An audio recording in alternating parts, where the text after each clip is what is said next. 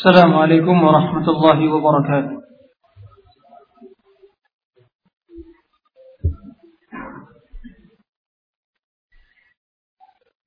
إن الحمد لله نحمده ونستعينه ونستغفره ونعوذ بالله من شرور أنفسنا ومن سيئات أعمالنا. من يهده الله فلا مضل له ومن يضلل فلا هادي له. أشهد أن لا إله إلا الله وحده لا شريك له وأشهد أن محمدا عبده ورسوله صلى الله عليه وعلى آله وصحبه ومن سار على نهجه واستنى بسنته إلى يوم الدين. أما بعد إخوة الإيمان أيها الإخوة الطلبة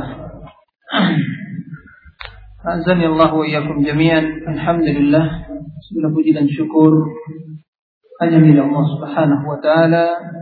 Kemudian salawat dan salam dapat banyak ucapkan untuk Nabi kita Muhammad sallallahu alaihi wasallam. Pada hari kedua ini kita lanjutkan pembahasan kita tentang kitab Fadl Ilmi Salaf ala Ibn Khalaf.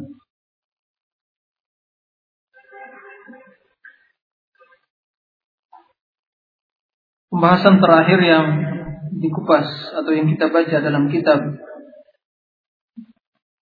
yang bermanfaat ini tentang uraian Al-Imam Ibn Rajab dalam perkara atau tentang ilmu hisab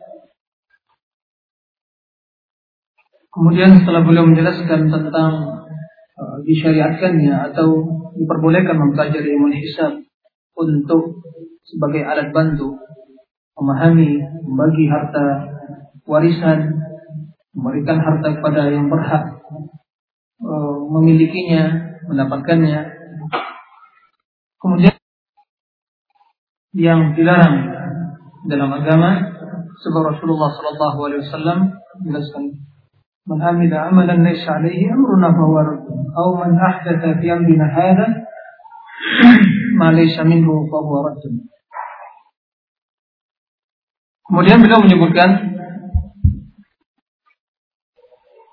di antara bentuk ilmu yang bid'ah tersebut adalah ilmu atau keilmuan yang di ada-adakan oleh orang-orang Mu'tazilah ahli kalam tentang perkara takdir dan juga tentang masalah asma wa sifat.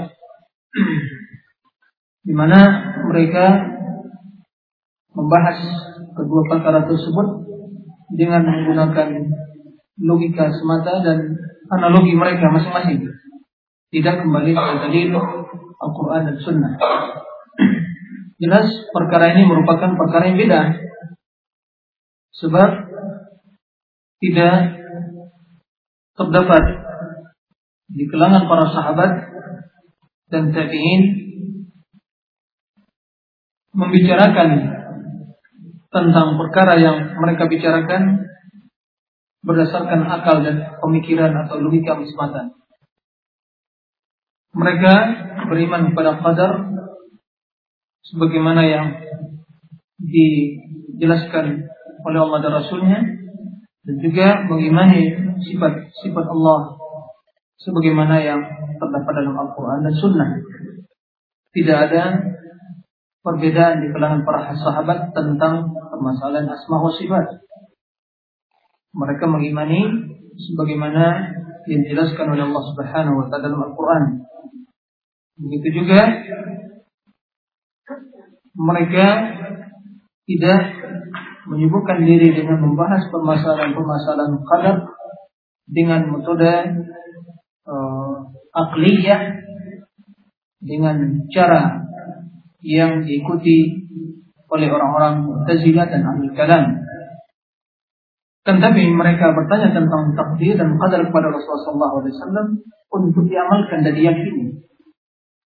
Nah, dan untuk diketahui bahwasanya segala sesuatu dengan takdir Allah Subhanahu wa taala tanpa ada pengecualiannya dan segala sesuatu yang diciptakan tidak keluar dari kekuasaan Allah Subhanahu wa taala dan kehendaknya dan segala yang baik dan yang jelek telah ditakdirkan semuanya terjadi dengan izin Allah Subhanahu wa taala begitu juga mereka mengetahui sesuatu yang telah ditakdirkan maka tidak akan meleset tidak akan keluar. Tidak akan uh, jauh atau tidak akan keluar dari apa yang telah ditakdirkan Allah Subhanahu wa taala. Akan menimpa seseorang. Sesuatu yang telah ditakdirkan tidak akan menimpa seseorang. Maka siapa pun yang akan berusaha untuk melakukan hal itu, untuk menimpakan hal itu padanya, maka tidak akan terlaksana. Dan kemudian bahwasanya seluruh amalan masing-masing bertanggung jawab terhadap amalannya. Dan Allah memberi kekuatan pilihan pada hambanya, akan tapi kekuatan, kekuasaan atau kekuatan mereka, kemampuan dan pilihan mereka tentunya di bawah pilihan Allah dan kekuasaan Subhanahu wa taala. Nah, itu yang dipahami oleh para sahabat. Dan itulah yang diajarkan oleh Al-Qur'an dan Sunnah. Seperti itu. Jadi bukan pembicaraan tentang qadar yang digunakan atau dengan metode akal yang dilakukan oleh orang-orang Mu'tazilah Ahlul Kalam sehingga menyebabkan mereka menjerumuskan mereka ke dalam pengingkaran terhadap qadar dan sebagian berlebihan dalam menetapkan qadar sehingga mengatakan bahwasanya manusia semuanya terpaksa. Tidak ada pilihan jabariyah dan sisi yang lain yaitu qadariyah mengatakan bahwasanya segala sesuatu ciptaan Allah kecuali perbuatan makhluk. Perbuatan hamba manusia mereka yang menciptakan perbuatannya. Jadi mereka mengeluarkan perbuatan manusia dari uh, ciptaan Allah Subhanahu wa taala. Maka mereka namakan al-qadariyah atau al-majusiyah. Karena majus menisbatkan atau meyakini ada dua ilah. Ilah Tuhan yang menciptakan kebaikan yaitu cahaya dan Tuhan atau uh, dewa mereka yang menciptakan uh, kejahatan yaitu kegelapan kata mereka.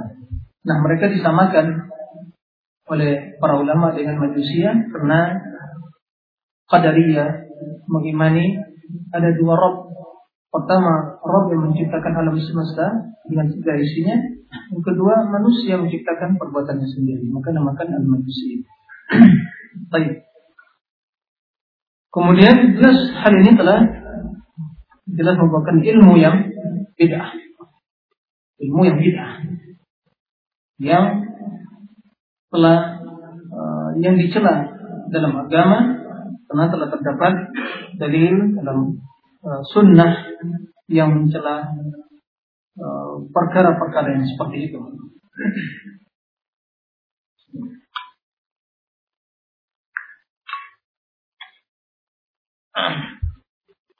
Baik. Kemudian Al-Imam Ibn Rajab menyebutkan yang antara dalil yang melarang, yang mencela eh, pembahasan tentang takdir, tentang qadar dengan metode akal. Ya, sebagaimana yang dilakukan oleh orang-orang Mu'tazilah dan yang lainnya. Qala rahimahullah وقد ورد النهي عن الخوض في القدر telah terdapat larangan dari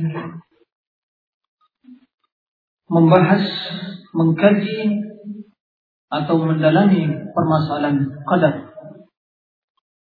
Maksud di sini adalah engkau mendalami berbicara tentang masalah takdir dengan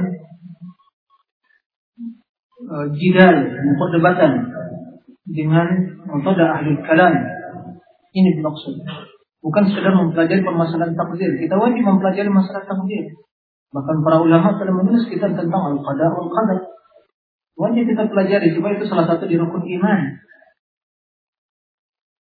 Nah, wajib kita pelajari tentang ilmu Allah, kemudian bahwasanya Allah menciptakan menulis segala sesuatu, memerintahkan kalam untuk menulis segala takdir, kemudian segala sesuatu yang keluar dari kehendak Allah, kemudian Allah menciptakan segala sesuatu, segala sesuatu yang diciptakan Allah sesuai dengan kehendak Allah Subhanahu wa taala. Itu wajib kita pelajari seperti itu yang dijelaskan Al-Qur'an dan Sunnah. Adapun dengan metode ahli al-batil atau ahli bid'ah seperti Mu'tazil dan ahli kalam yang lainnya jelas itu yang dicela oleh agama. Wa fi sahih wa fi sahih wa fi sahihai Ibn Hibban wal Hakim an Abbas marfu'an لا يزال أمر هذه الأمة موافيا ومقاربا ما لم يتكلموا في الولدان والقدر وقد روي موقوفا ورجح بعضهم وقفه dalam Sahih Ibn Hibban dan juga Hakim yang masih itu Mustadrak al-Hakim dari Ibn Abbas marfu disandarkan kepada Rasulullah SAW hadis yang marfu itu hadis yang dinisbatkan pada Rasulullah yang mauquf riwayat yang dinisbatkan kepada sahabat. Itu mauquf. La yazalu amru hadhihi ummah wafiyan muqariba.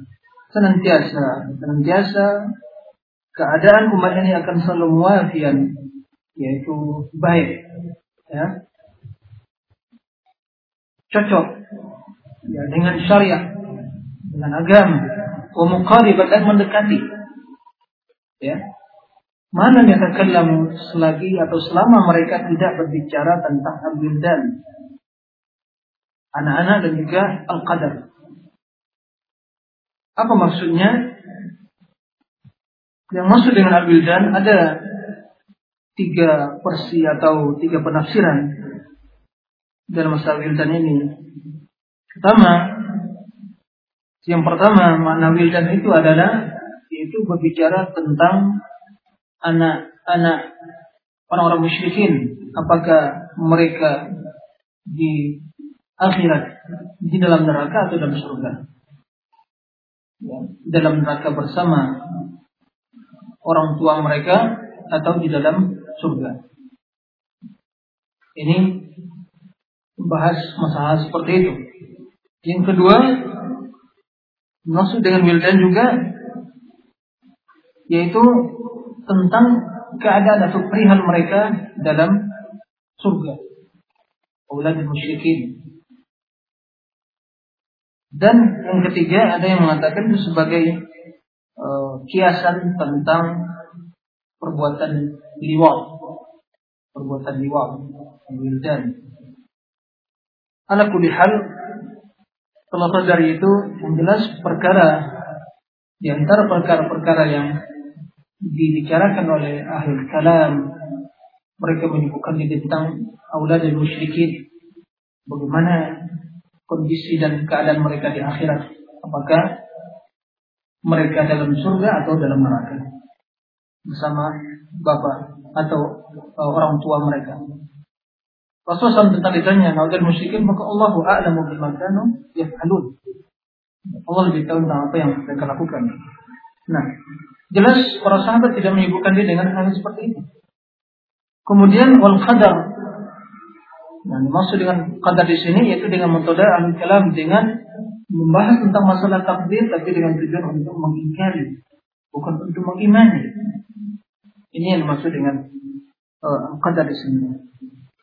Hadis ini juga diriwayatkan secara mauquf, diriwayatkan kepada Ibnu Abbas, ya, disebutkan Ibnu Abbas secara mauquf dan sebagian memperkuat uh, riwayat ini dari riwayat yang mauquf. Nah,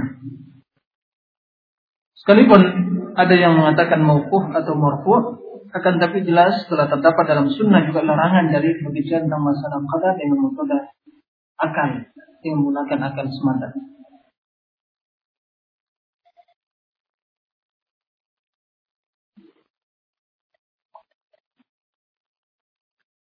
Nah, adapun wal qadar itu jelaskan oleh syurah al hadis menyatakan al qadar yaitu maksudnya di sini adalah isnadu af'ali ibad ila qadarihi ila qudratihim. Itu menisbatkan perbuatan hamba manusia kepada kekuasaan mereka, kekuatan mereka. Ya, yang katakan orang-orang Mu'tazilah, orang-orang Al-Qadariyah yang mengatakan bahwasanya manusia itu menciptakan perbuatan mereka sendiri. Jadi bukan ciptaan Allah. Menurut pandangan mereka. Ini jelas perkataan yang batin sebab dalam hadis Rasulullah SAW menjelaskan Inna Allah khaliqu uh, kulli khaliqu kulli syai kullu kulli sani'in wa san'atah. Rawahu Al-Bukhari fi af'alil ibad. Bahwasanya Allah menciptakan segala yang berbuat yang ber, beramal dan berbuat dan juga perbuatannya. Dan ini jelas juga termasuk dalam keumuman ayat juga inna Allahu khaliqu kulli syai. Allah menciptakan segala sesuatu. Dan syai manusia termasuk sesuatu yang diciptakan oleh Allah Subhanahu wa taala. Nah. Kemudian kata Imam Ibn Rajab, wa kharaj al-Baihaqi min hadits Ibn Mas'ud marfu'a, "Idza dzukira ashabi fa'amsiku. Wa idza dzukira nujum fa'amsiku. Wa qad ruwiya min wujuhin muta'addidatin fi asanidiha maqal. Kemudian Imam Baihaqi meriwayatkan dari hadis Ibnu Mas'ud marfu' disandarkan pada Rasulullah Beliau bersabda, "Idza dzukira ashabi apabila disebut sahabatku maka tahan, stop. Jangan diteruskan. Amsiku, tahan." Wa idza dzukira nujum fa amsiku apabila dibicarakan tentang ilmu perbintangan nujum maka stop tahan. Jangan diteruskan. Nah, ini diriwayatkan dari jalur yang banyak, tapi sananya tidak uh, bersih dari kritikan. Ya, tetap dibahas para ulama akan tadi hadis ini juga sebagaimana dijelaskan Syalban artinya sahih. Ya, dan silsilah sahihah hadis 34 itu dijelaskan itu hadisnya sahih. Kemudian dalam hadis Abi Dar di antara juga yang menjelaskan bahwasanya uh, disebab hadis ini hanya menyebutkan tentang masalah sahabat dan juga masalah nujum, tidak disebutkan tentang masalah al-qadar. Dalam hadis Abi Dawud itu beliau menceritakan kharaja Rasulullah sallallahu alaihi wasallam على أصحابه وهم يتذكرون شيئا من القدر. فخرج مغضبا فكأنما فقئ في وجهه حب الرمان. فقال أبهذا أمرتم؟ أو أما نهيتم عن هذا؟ إنما هلكت الأمم قبلكم في هذا فإذا ذكر القدر فأمسكوا وإذا ذكر أصحابي فأمسكوا وإذا ذكر النجوم فأمسكوا. هذا صحيح dengan syahid-syahidnya syawal yang lain. Abi Dzar Rasulullah SAW keluar menemui para sahabatnya sedang mereka berbicara dalam masalah qadar Ya, terjadi sedikit perdebatan di antara mereka, pembicaraan tentang masalah qadar. Nah, ketika itu Rasulullah langsung keluar dalam keadaan marah dengan wajah yang merah, seolah-olah ya, seperti warna delima, wajah delima. Nama fuqiya ala wajhi habbur roman. Seolah ditaburkan di wajahnya itu dua apa? delima jadi kena marahnya Rasulullah SAW sehingga wajah beliau berubah menjadi merah. Kemudian Rasulullah SAW mengatakan, Abi hada itu apakah dengan hal seperti ini kan diperintahkan? Apakah diperintahkan terhadap seperti ini? Awamanuhi teman dari mungkin tidak telah dilarang dan membicarakan hal-hal seperti ini. Innama ahlak hilma halakat al-umamu qablakum tiada lain yang membinasakan umat-umat sebelum kalian illa fi hada kecuali dalam perkara ini. Fa idza dzukira al-qadar apabila disebut pembahasan masalah qadar maka stop tahan jangan diteruskan. Wa idza dzukira ashabi apabila dibicarakan tentang sahabatku fa amsiku tahan stop jangan diteruskan. Cukup. Wa idza dzukira nujum fa amsiku begitu juga apabila bicarakan tentang semalam nujum, astronomi, pertentangan itu. Nah, para ulama menjelaskan apa maksud larangan. Apakah ini secara mutlak, secara umum, atau ini relatif. Al-Imam Ibnu Battah dalam kitab Al-Ibana menjelaskan atau intisari perkataannya ini tidak bisa digeneralkan, diumum, dimutlakkan hukumnya. Belum menyebutkan yang dimaksud larangan dari berbicara tentang masalah qadar. Belum menyebutkan. Ada dua sisi yang perlu diperhatikan dalam masalah takdir.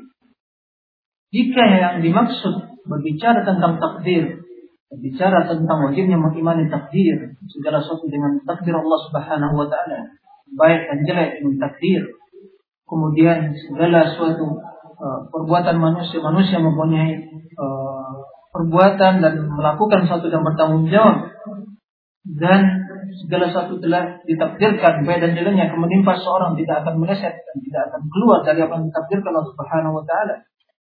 Dan perbuatan manusia adalah perbuatan mereka, tapi segala itu tidak terjadi di dalam izin Allah. Kalau hanya sebatas masalah itu jelas itulah keimanan yang wajib kita imani.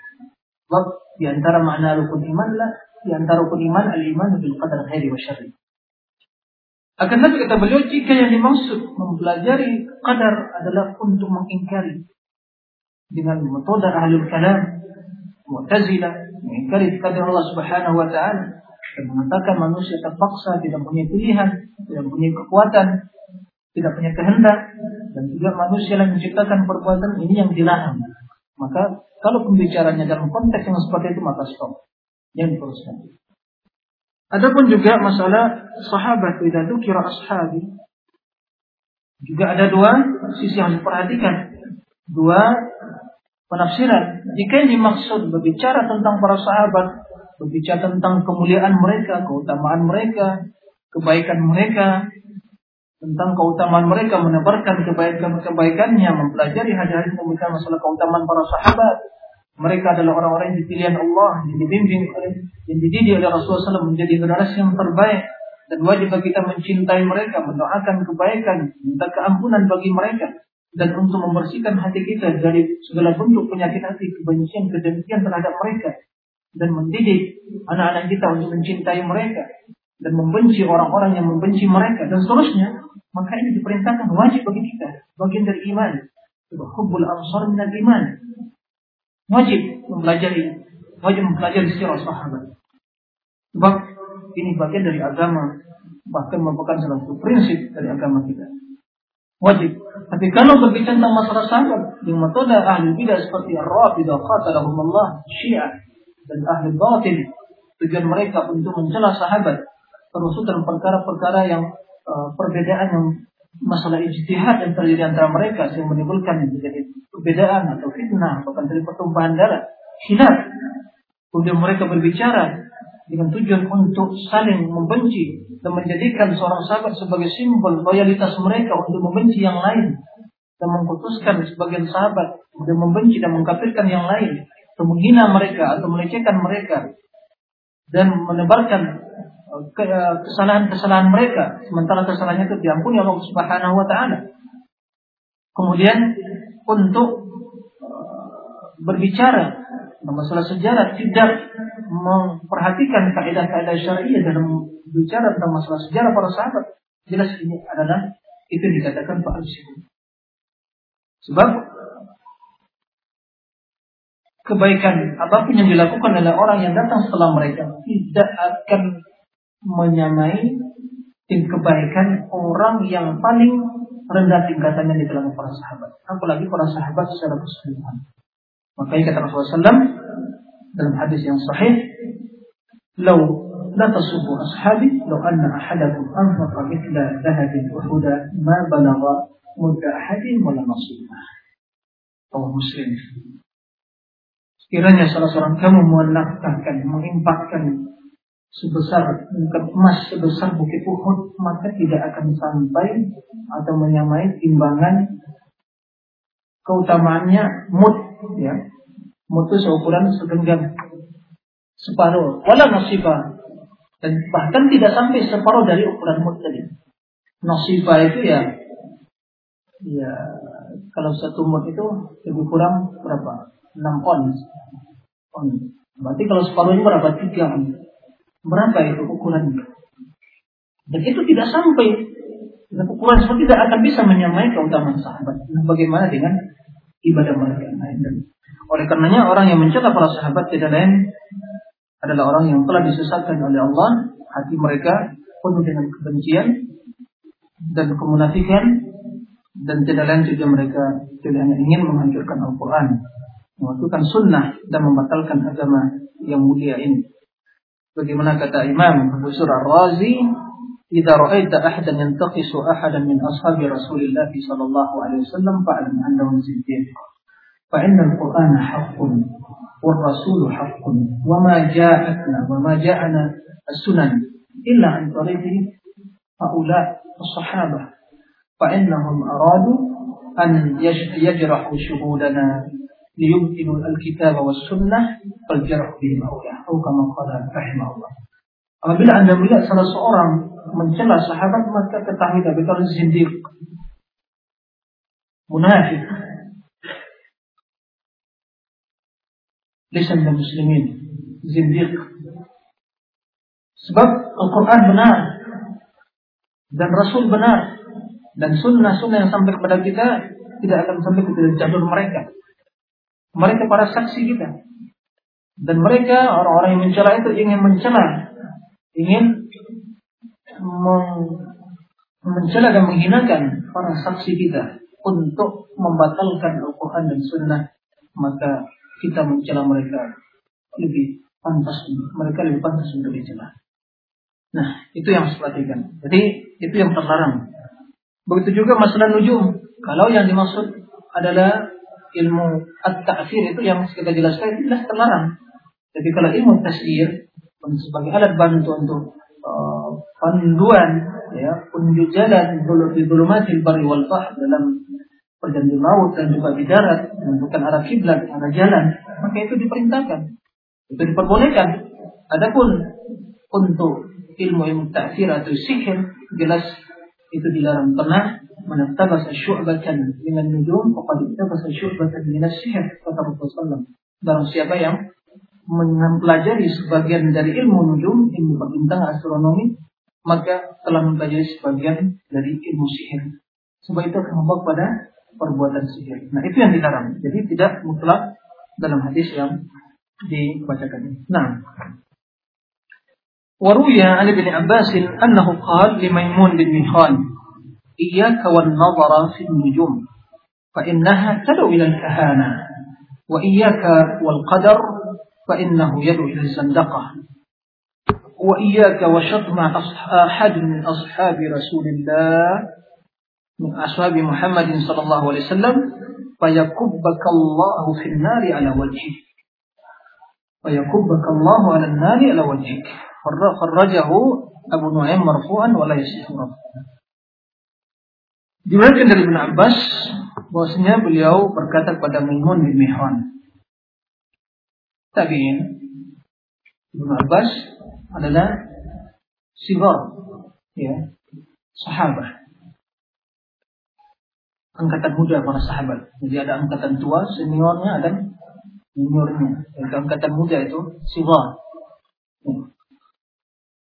Ibn Abbas, Ibn Umar dan yang lainnya. Nah, nah kata beliau pada Maimun menasihatkan iya kawan nazar tinggalkan olehmu berbicara atau mempelajari tentang masalah ilmu an-nujum. Melihat, memperhatikan, menganalisa seperti itu an-nujum. Karena hal seperti itu akan membawa pada al-kahan. Ya. Sihir, perdukunan, ya. Seperti itu. Sebab banyak jadikan orang sebagai untuk sarana untuk melakukan perbuatan-perbuatan yang seperti itu. Wa iyyaka wal qadar fa innahu yad'u ila zandaqah dan tinggalkan olehmu berbicara atau dengan metode akal ahlul kalam tentang masalah qadar. Sebab hal itu akan membawa pada zandaqah zindik itu pada keluar dari Islam. Karena mereka oleh karenanya tatkala orang-orang qadariyah yang pertama angkatan pertama dari Qadariyah yang mengingkari ilmu dan kitabah, mengingkari ilmu Allah dan kitabah, penulisan takdir tadi. Itu jelas kufur.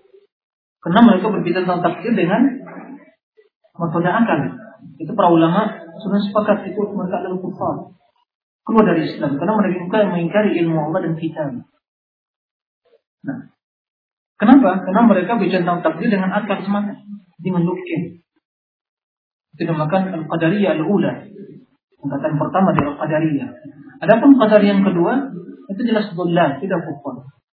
Mu'tazilah dan orang-orang yang ikut dengan pemahaman dan pemikirannya dari ahlul kalam itu dinamakan al-qadar yang yang mereka mengingkari masyiah dan al-qudrah, al-masyiah wal khalq. Ya. Itu mereka ahli bidah. Tidak dikafirkan para ulama tetapi mereka jelas dihujat dan dikritisi dan diperingatkan oleh para ulama dan hukum sebagai ahli bidah wal ahwa. Nah itu disebabkan mereka berbicara tentang qadar dengan menggunakan akal. Wa iyyaka wa syatma asha ahadin dan tinggalkan olehmu mencela salah seorang sahabat Muhammad sallallahu alaihi wasallam. Sebab jika kamu melakukan hal itu, maka Allah akan melemparkan kamu ke dalam neraka dalam keadaan wajah yang terkerumpuk. Yakubuk Allah ala wajhi benar. Ini ancaman yang sangat keras bagi orang-orang yang menghinakan sahabat Rasulullah SAW. Akidah kaum muslimin, akidah al-sunnah kaum muslimin merupakan kewajiban mencintai sahabat minah iman. Kebencian kepada mereka minal kufur, wa tughyan, wa nifaq. Mencintai sahabat minal iman. Merupakan keimanan kewajiban membenci mereka merupakan kezaliman, maksiat dan kufuran, kufuran. Oleh karenanya dalam Al-Quran jelaskan Allah Subhanahu Wa Taala orang-orang yang datang setelah sahabat itu atau manusia ini tidak keluar dari tiga macam tiga profil. Yang pertama mereka orang-orang muhajirin yang hijrah dari Makkah ke Madinah. Yang kedua orang-orang Ansor yang menerima kedatangan orang Muhajirin. Yang ketiga orang yang datang sepeninggal mereka. Ada pembagian yang keempat? Tidak ada. Ya, itu yang dijelaskan oleh Allah Subhanahu wa taala. Walladzina ja'u Nah, الآية في سورة الحشر. والذين جاءوا من بعدهم يقول لا نعم. والذين تبوأوا الدار والإيمان من قبل يحبون من هاجر إليهم ولا يجدون في صدورهم حاجة مما أوتوا ويؤثرون على أنفسهم ولو كان بهم خصاصة نعم. Kemudian itu الذين جاءوا من بعدهم فقد رضي الله عن الآية في سورة الحشر. من يذكرني؟ لا قبل ذلك. والذين جاءوا؟ نعم. إيش؟ نسينا الآية. طيب لحظة. سورة الحشر. نعم. طيب الآن وجدنا للفقراء المهاجرين الذين أخرجوا من ديارهم. للفقراء الذين أخرجوا من ديارهم من ديارهم وأموالهم يبتغون فضلا من الله ورضوانه. للفقراء الذين أخرجوا من ديارهم وينصرون الله ورسوله. أولئك هم الصادقون. والذين تبوأوا الذين تبوأوا الدار بعد الذين تبوأوا الدار والإيمان من قبلهم يحبون من هاجر إليهم. ولا يجدون في صدورهم حاجة مما أوتوا ويؤثرون على أنفسهم ولو كان بهم خصاصة. Ini golongan yang kedua. Yang ketiga, walladzina ja'u min ba'dihim yaquluna rabbana ighfir lana wa li ikhwanina alladhina sabaquna bil iman wa la taj'al fi qulubina ghillan lil ladzina amanu rabbana innaka rahim. Dan surah Al-Hasyr. Pertama muhajirin yang mereka meninggalkan harta dan negeri mereka hijrah karena Allah dan Rasulnya yang mereka mencari kemuliaan dan karunia Allah Subhanahu wa taala. Mereka orang yang jujur, sadiqun dan keimanannya. Kemudian orang-orang yang telah menempati kota Madinah, Darul Iman sebelum mereka, Muhajirin Al-Ansar. Mereka itu yukhirun ala mereka mengutamakan orang-orang muhajirin dari diri mereka. Yusir anfusihim walau kana bihim khasas sekalipun mereka menginginkan, membutuhkan hal tersebut tapi mereka lebih mengutamakan inilah persaudaraan dalam Islam. Lebih mengutamakan saudaranya daripada diri sendiri. Nah, itu problem yang kedua yaitu al-ansar. Kemudian yang ketiga walladzina ja'u min ba'dihi, yang datang setelah mereka. Bagaimana sikap mereka? Yaqulu mereka berkata, "Rabbana ighfir lana." Ampunilah kami ya Allah. Wali ikhwani alladziina sabaquna bil iman dan saudara-saudara kami yang telah mendahulukan dalam keimanan. Nah, wala taj'al fi qulubina jangan dijadikan di hati kami ghillan kebencian terhadap orang-orang yang telah mendahulukan. Nah, timbul pertanyaan, ada di antara kita yang pernah menjadi muhajirin? Ada? Enggak pernah? Ada yang menjadi ansor? Tidak pernah. Ya kan? Kita ini orang yang keberapa? Yang ketiga. Nah, bagaimana sikap orang ketiga? Itu jelas oleh Allah Subhanahu. Tidak ada kebencian dari mereka. Jadi pada hakikatnya kaum muslimin terbagi tiga, muhajirin, ansar dan datang dengan mereka. Nah, kalau mereka orang yang membenci sahabat, jelas mereka bukan dari kalangan bagian umat ini. Nah, baik dan jelas itu merupakan kabair dzunub. Bahkan Syiah qatalahumullah itu menjadikan celaan atau pengkafiran terhadap sahabat sebagai agama mereka. Jelas mereka desa ala dini Muhammad sallallahu alaihi wasallam. Baik, wan nahyu anil khawdi fil qadar yakunu ala wujuh. Larangan tentang berbicara bahas tentang masalah takdir itu larangan tersebut tinjau dari berapa sisi? Bentuk larangan tersebut. Apa maksud larangan dari berbicara tentang masalah takdir itu dari banyak sisi. Yang pertama di antara bentuk larangan tersebut yaitu darbu kitabillahi ba'dahu bi ba'din fayanza'u al-muthbitu lil qadar bi ayah wan nafi lahu bi ukhra fa yaqa'u tajadul fi dhalik.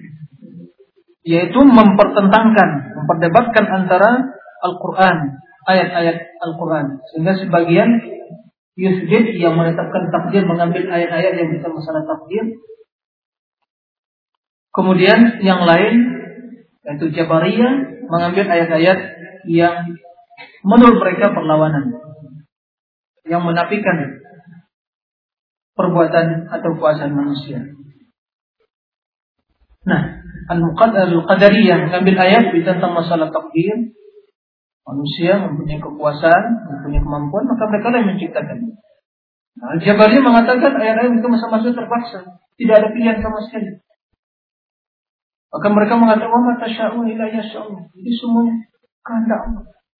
Segala satu terjadi dengan kehendak Allah Subhanahu wa taala. Jadi manusia tidak punya pilihan. Kerisha, mahabbir atau seperti eh, apa namanya itu daun yang gugur dari pohon, batu yang jatuh dari gunung atau sebagai angin yang bertiup tanpa ada pilihan. Nah, jadi mereka perdebatkan, pertentangkan, ya, perdebatkan antara ayat-ayat yang seperti ini. Ini yang pertama. Sehingga terjadilah perdebatan dalam ayat seperti itu. Baik. وقد روي أنه وقع في أهل النبي صلى الله عليه وسلم وأن النبي صلى الله عليه وسلم غضب من ذلك ونهى عنه من يعني ذلك كما كان تلي روي ده حديثنا حسن يعني شواهده صحيح شواهده. لمنا زمن صلى الله عليه وسلم terjadi sedikit ya perdebatan dalam hal seperti itu kemudian Rasulullah langsung memberikan ultimatum bahwa tidak dibenarkan tidak dibolehkan berbicara seperti itu sebab itu yang menyebabkan kebinasaan Muhammad sebelum kalian kata Rasulullah. Ini yang pertama. Dan ini jelas termasuk larangan memperdebatkan ayat Al-Quran. sebab ini kufur dalam riwayat. Wahada min jumlah al-ikhtilaf fil Quran wal mirafi dan ini di antara bentuk al-ikhtilaf memperselisihkan, mempertentangkan antara ayat-ayat Quran wal miraf dan memperdebatkan. Dan sebagian hadis jelaskan itu Rasulullah SAW mengatakan al-mira'u fil Quran kufrun memperdebatkan, mempertentangkan tentang masalah Al-Quran itu kufrun. Dia sebagian mengambil ayat ini, sebagian menentangnya, kemudian sampai membawa mereka mengingkari sebagian ayat-ayat tadi atau sebagian huruf. Jelas ini merupakan perbuatan yang kufur. Sebab seorang apabila mengingkari ayat Al-Quran atau mengingkari satu huruf saja Al-Quran jelas perbuatan itu kufur. Nah, hadis ini diriwayatkan oleh Abu Daud, Ahmad dan yang lain dari hadis Abi Hurairah dan bahwa hadis yang sahih. Yaitu al-bira fil Quran kufurun. Wa qad nuhiya dan telah dilarang dari hal seperti itu. Ini bentuk yang pertama yang maksud larangan dari berbicara tentang masalah takdir. Yang kedua, al-khawdu fil qadar. Berbicara tentang masalah qadar, isbatan wa yang baik dalam menetapkan atau menafikan dengan menggunakan akisan akliyah, dengan analogi semata, dengan akal. Pada ahli kalam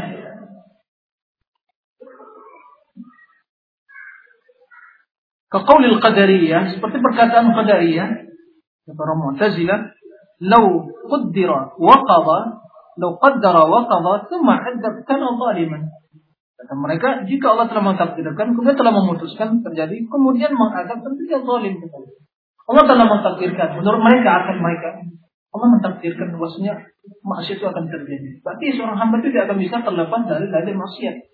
Nah, Begitu dia melakukan maksiat, kemudian diadab, tentu kan zalim. Menurut akal mereka. Nah, ini. Jadi berbicara tentang takdir dengan cara akal itu dengan akal. Sementara kita mengatakan, nah, segala suatu terjadi dengan takdir, semua tertakdirkan Allah Subhanahu wa taala. Akan tapi Allah Subhanahu wa taala memberikan pilihan memberikan kekuasaan dan kehendak bagi seorang hamba. Dan inilah dengan kehendak dan pilihan dia melakukan. Tapi hal itu tidak terlepas dari masyiah kehendak Allah Subhanahu wa taala. Wa ma tasha'una illa yasha Allah rabbul alamin. Dan tidak akan terjadi apa yang kehendaki kecuali apabila Allah menghendakinya. Jadi tidak tersendiri. Terbatas. Adapun kekuasaan Allah mutlak, tidak ada batasannya. Manusia kehendaknya terbatas tergantung pada kehendak Allah Subhanahu wa taala. Nah, dan jelas perbuatan maksiat itu adalah perbuatan manusia. Karena Allah telah menjelaskan wahdainahun najdin kami telah memberikan menunjuki mereka dua jalan kebaikan dan kejahatan. Kemudian kita diberi pilihan, diberi akal yang sehat, diberi pilihan, diberi kehendak. Dan kita yang memilih akan tetapi manusia dalam permasalahan dunia tidak memperasmakan hal itu. Kalau ada ada masalah urusan dunia, ini jalan yang membawa keuntungan. Bisnis dengan keuntungan satu misalnya satu bulan 10 juta. Ada satu bisnis dan keuntungan mungkin satu juta. Akal yang saya mana yang milih? Kalau ada yang milih, saya milih yang satu juta itu orang yang sinting. Bukan sehat akalnya. Kenapa? Sejak jelas secara akal saya pasti akan memilih keuntungan yang lebih baik. Itu masalah urusan dunia. Dijelaskan. Nah kenapa dalam masalah agama ke mana terbalik? Ini jalan kebaikan, ini jalan kejahatan. Malah dipilih kejahatan. Kemudian kita menyesali, oh itu kan udah takdir. Makanya tidak ada tidak diperbolehkan kita buat dalil ya, dengan takdir dalam masalah maksiat. Tidak diperbolehkan. Tidak diperbolehkan. Karena itu merupakan istidlal bil qadam bil ma'as wal dzunub tidak diperbolehkan. Tapi semuanya kita pilih Allah Subhanahu wa taala, tapi Anda yang memilih. Kalau Anda memilih ya Allah, mudahkan. Fa amma man a'ta wattaqa wa saddaqa bil husna fasanuyassiruhu lil lil yusra. Wa amma man bakhila wastaghna wa kadzdzaba bil husna fasanuyassiruhu lil usra. Seperti itu. Dia yang memilih kesesatan, dia yang berpaling dari ayat yang mendustakan. Ya Allah mudahkan jalan kesusahan begini. Jadi Allah mengatakan mereka sesuai dengan amalan mereka. Tidak membalimi. Wa ma rabbuka bidhallamin lil Allah tidak membalimi hambanya. Tapi mereka lah walakin anfusahum yadhlimun. Mereka yang mendalimi diri mereka. Jadi Allah tidak zalim. Allah Maha Adil. Allah jika mengadab sesuai dengan keadilannya dan jika memaafkan sesuai dengan karunia dan kemuliaan. Afa bi wa adzaba bi adlihi. Seperti itu. Jadi jika Allah menghendaki mengazab itu Allah azab yang diturunkan Allah sesuai dengan keadilannya dan karunia yang diberikan oleh Allah kemuliaan sesuai dengan kemuliaan dan keutamaan Allah Subhanahu wa taala. Nah, Begitu juga perkataan orang yang melisihinya yaitu Jabari yang mengatakan innallaha jabara al-ibad ala af'alihim wa nahwi dzalik. Jabari yang mengatakan manusia itu terpaksa dipaksa oleh Allah tidak punya pilihan. Ini, ini di antara bentuk uh, pembahasan tentang masalah takdir dengan menggunakan al-aql. Ini jelas ilmu yang bid'ah yang tidak pernah ada di zaman Rasulullah dan para sahabatnya. Nah, di antara makna larangan berbicara tentang masa takdir yang terlarang adalah berbicara tentang rahasia qadar. Ya, Al-qadar sirrun sirullah. Rahasia Allah Subhanahu wa taala di khalqi dalam ciptaannya. Dan dia merupakan bagian dari ilmu Allah dan kekuasaan Allah Subhanahu wa taala. Makanya Imam Ahmad mengatakan al-qadar qudratullah.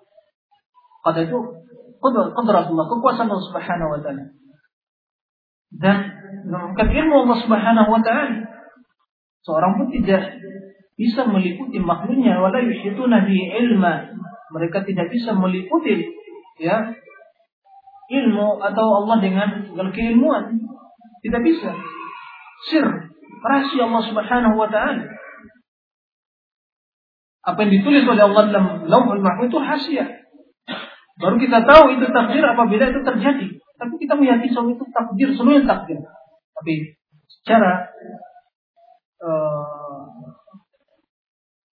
secara apa yang terjadi baru kita tahu oh ini takdir baru itu baru kita tahu apabila terjadi tapi apa yang ditulis tidak tahu nah ini yang jadi rahasia. Oleh karena itu ya diriwayatkan rada an-nahyu anhu an Ali wa ghairihi min as-salaf nah tentang qadar sirullah datang seorang kepada Ali bin Abi Thalib menanyakan tentang qadar qadar sirullah.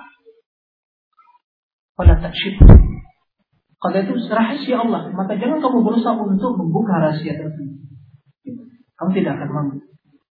Banyak perkataan saya menjelaskan hal seperti itu. Oleh karena itu kata Al-Imam At-Tahawi dalam akidahnya, قال وأصل القدر سر الله في خلقه لم يطلع على ذلك ملك مقرب ولا نبي مرسل والتعمق والنظر في ذلك ذريعة الخذلان والسلم الحرمان حرمان ودرجة الطغيان فالحذر كل الحذر من ذلك نظرا وفكرا ووسوسة فإن الله تعالى طوى علم القدر على عنامه ونهاهم عن مرامه كما قال تعالى لا يسأل عما يفعل وهم يسألون فمن سأل لما فعل فقد رد حكم الكتاب ومن رد حكم الكتاب كان من الكافرين.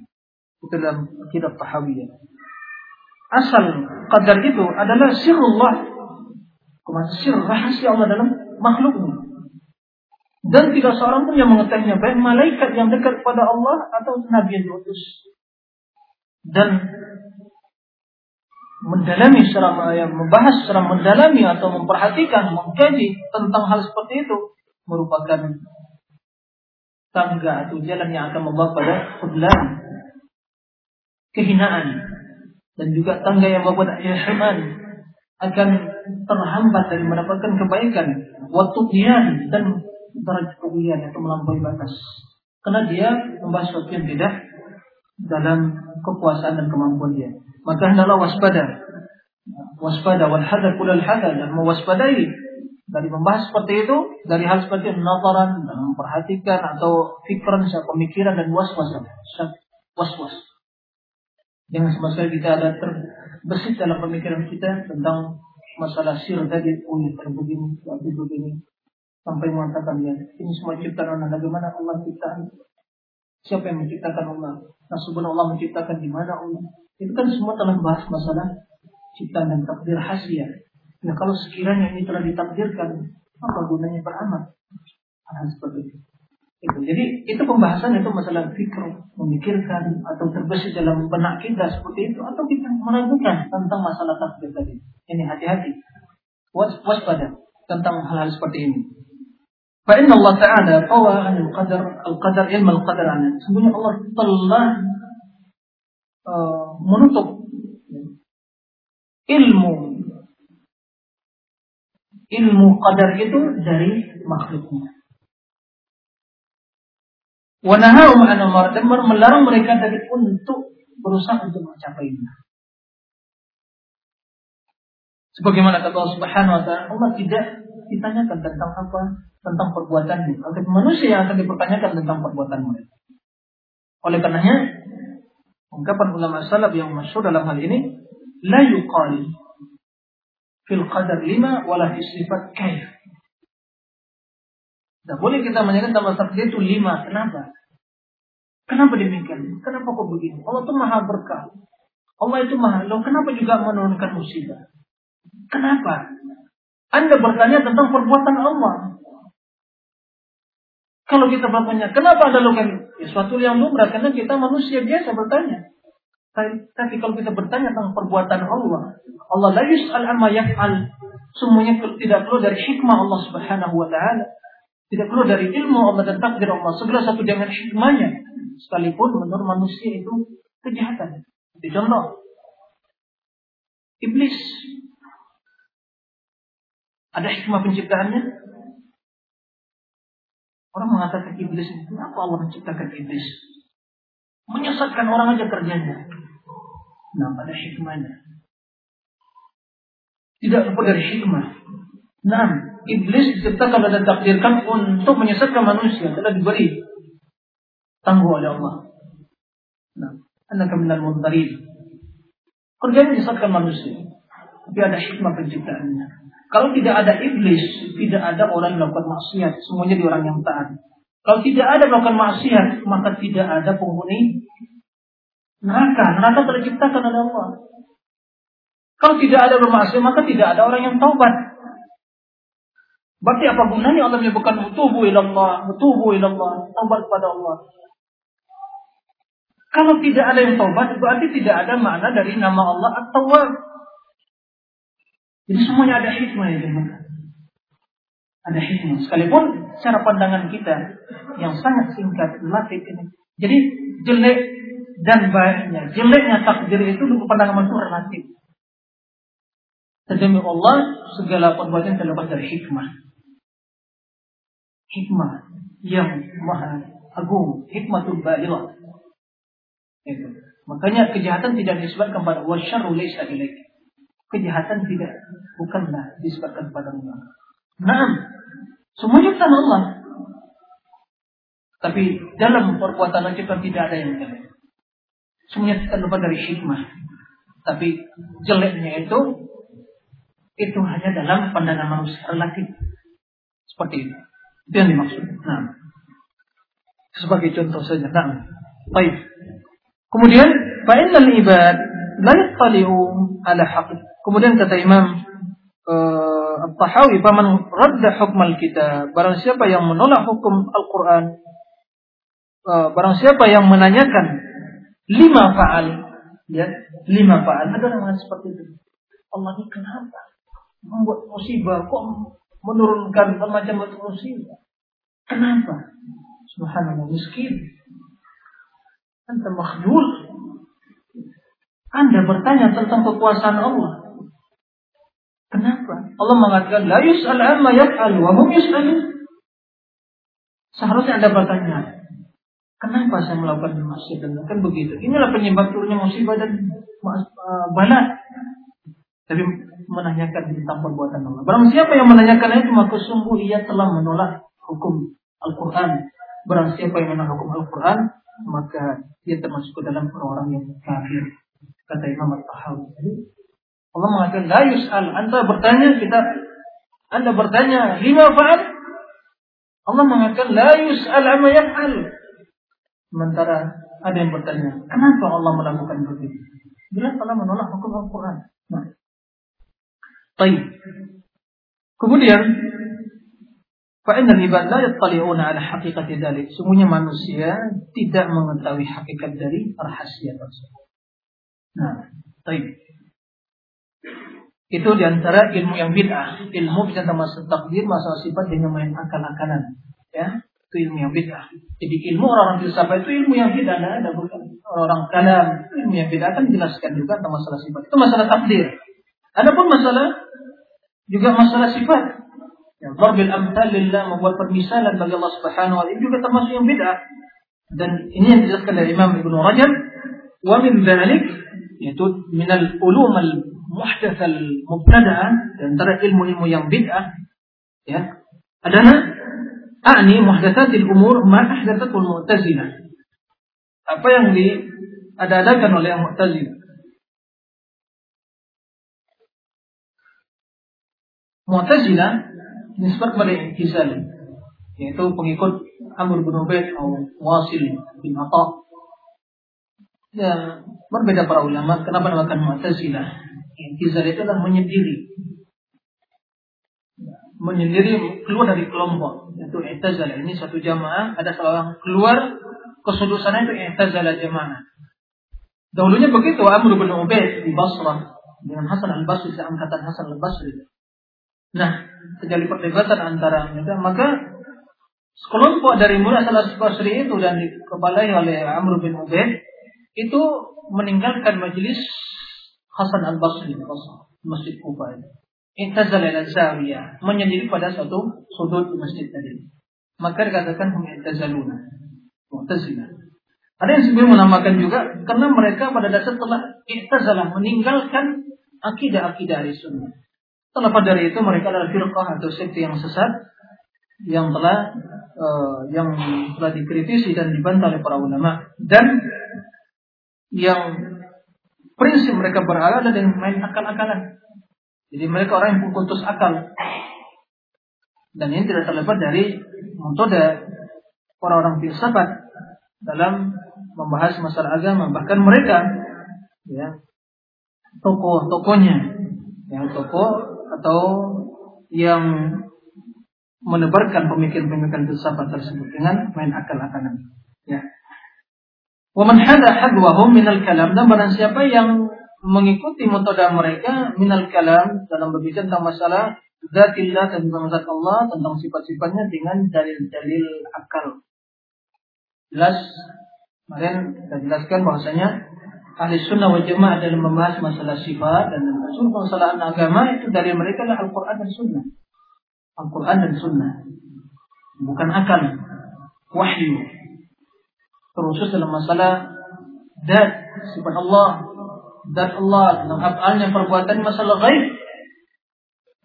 Maka mereka ahli sunnah tidak akan keluar dari Al-Quran dan Sunnah. Wahuwa asyaddu khataran. Adapun ahli kalam mereka, landasan mereka dalam beragama adalah akal.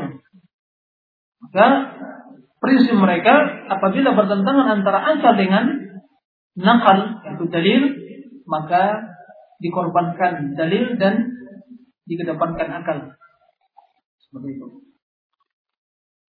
Dan mereka kalaupun berdalil dengan sebagian mendapatkan mereka orang-orang yang menggunakan akal dan beragam didapatkan sebagian dari mereka itu menggunakan ayat ayat itu buat pada dasarnya bukan dikarenakan mereka meyakini itu sebagai dalil tidak tapi itu berkebetulan mereka dapatkan menurut pemahaman mereka tentang dalil-dalil pada dasarnya dalil itu tidak menunjukkan pada apa yang mereka inginkan jadi yang sekedar berkebetulan tidak meyakini itu sebagai dalil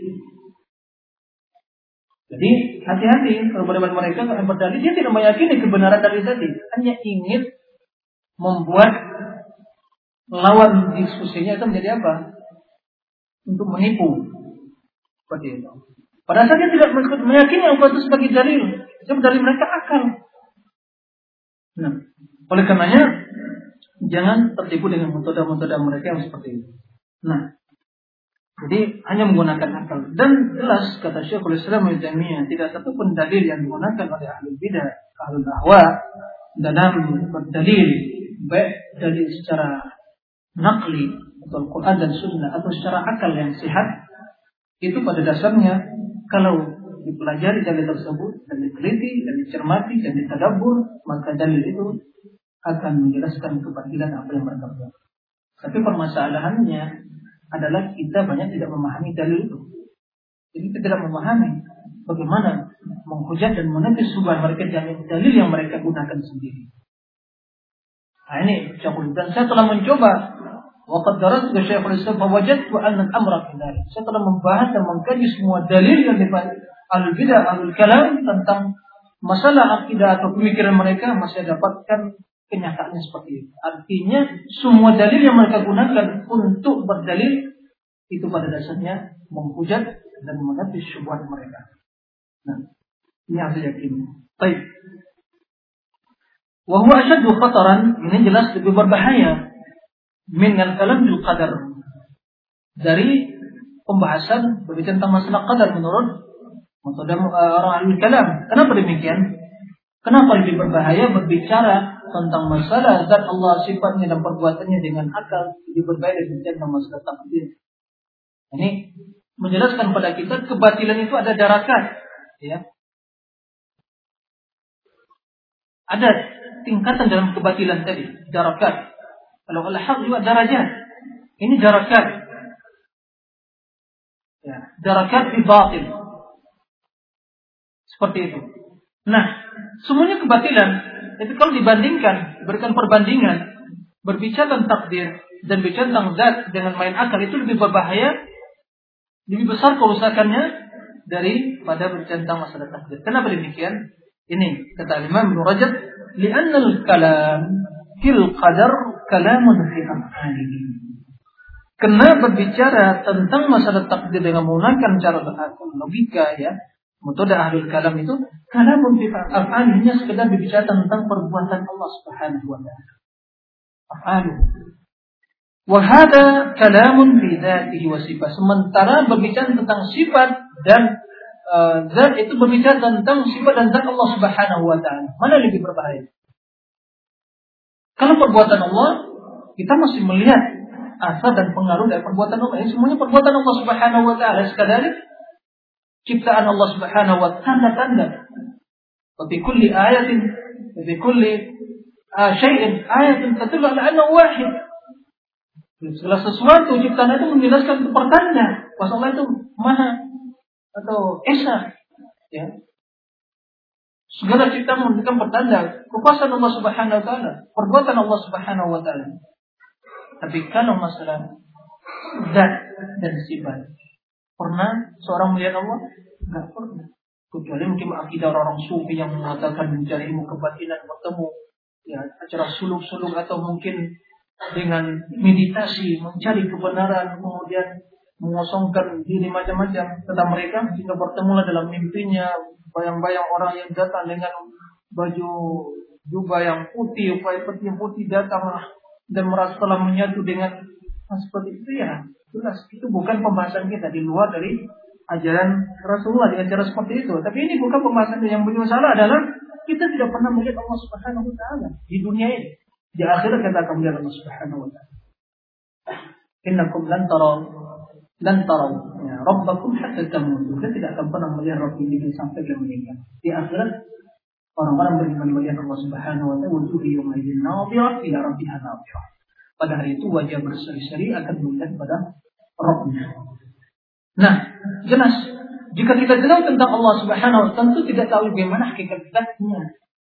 Dan melihat Allah dan juga sifat bagian dari zat tidak bisa dipisahkan.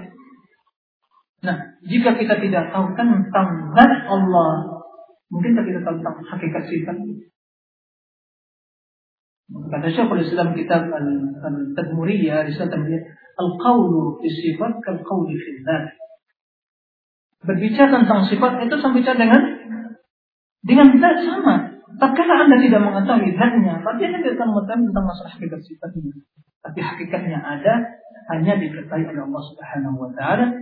Allah menjelaskan wala yuhituna bihi ilma. Mereka tidak bisa meliputi, tidak mampu meliputi, mengetahui Allah meliputi dari segala sisi. Seperti itu. Jadi kita yakin hakikatnya ada. Makanya tidak boleh dikatakan dalam asma atau sifat itu perkataan kaif. Bagaimana? Al-Imam Malik rahimahullah tatkala dalam satu majelis ilmunya datang seorang dalam tidak menanyakan membacakan firman Allah Subhanahu wa Ar-Rahman 'alal 'arsy dia mengatakan kaifa istawa menanyakan kepada Imam Malik kaifa bagaimana istiwanya Imam marah. Ibn wajah merah. Marah pada orang tersebut.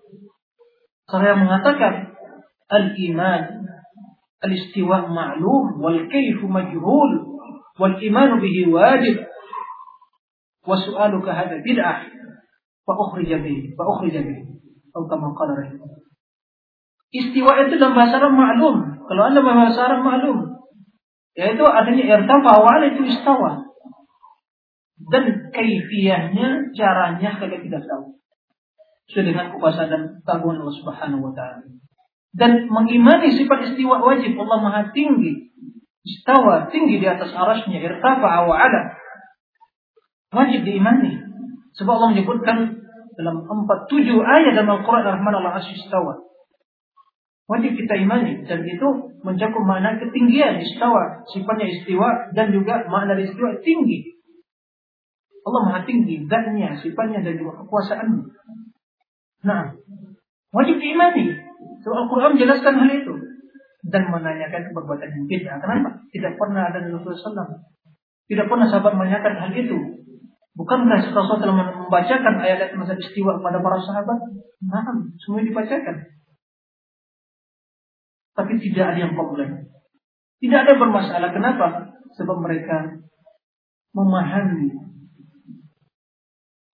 Tapi tak akal atau pemikiran orang-orang yang datang setelah mereka terkontaminasi dengan filsafat kalam ya maka muncul pertanyaan-pertanyaan seperti itu. Ini bahaya akal ya. Akal yang jadi kontrol oleh wahyu. Nah. Jadi ini berbahaya. Nah. Kemudian wa yuqassam haula ila qismaini yaitu orang yang bicara tentang masalah sifat itu terbagi dua. Ya, terbagi dua. Pertama, menambah katsiran mimma warada bihi al-Qur'an, kitab was sunnah min. Yaitu orang-orang yang menafikan kebanyakan sifat-sifat yang terdapat di dalam sunnah yang telah jelaskan dalam Al-Quran dan sunnah min dari sifat-sifat tersebut. Listilzamihi indahu at-tasbih bil makhlukin.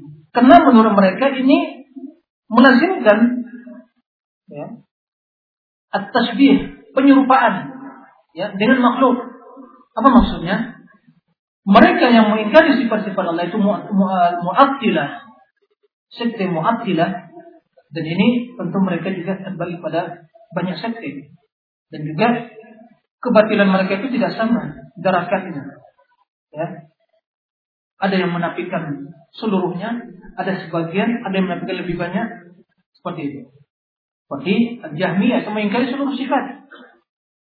Al-Mu'tazilah juga mengingkari sifat dan mengimani nama. Al-Asy'ariyah itu mengingkari sebagian sifat dan menetapkan sebagian begitu. Jadi tidak sama tingkatan mereka dalam kebatilan tadi. Nah itu dikategorikan dikategorikan dalam masalah sekte mu'attilah mengingkari sifat-sifat Allah. Apa alasan mereka? Karena kalau sifat itu ditetapkan, diyakini, maka pasti kelazimnya, kelaziman dari hal itu adalah pasti kita menyerupakan Allah dengan makhluknya. Jelas ini batil karena mereka mengatakan laisa kamitslihi syai' menurut mereka Kan begitu. Laisa kamitslihi syai'. Tidak ada yang menyerupai Allah Subhanahu wa taala. Nah, kalau kita tetapkan sifat, berarti kita akan menyerupakan Allah dengan makhluknya.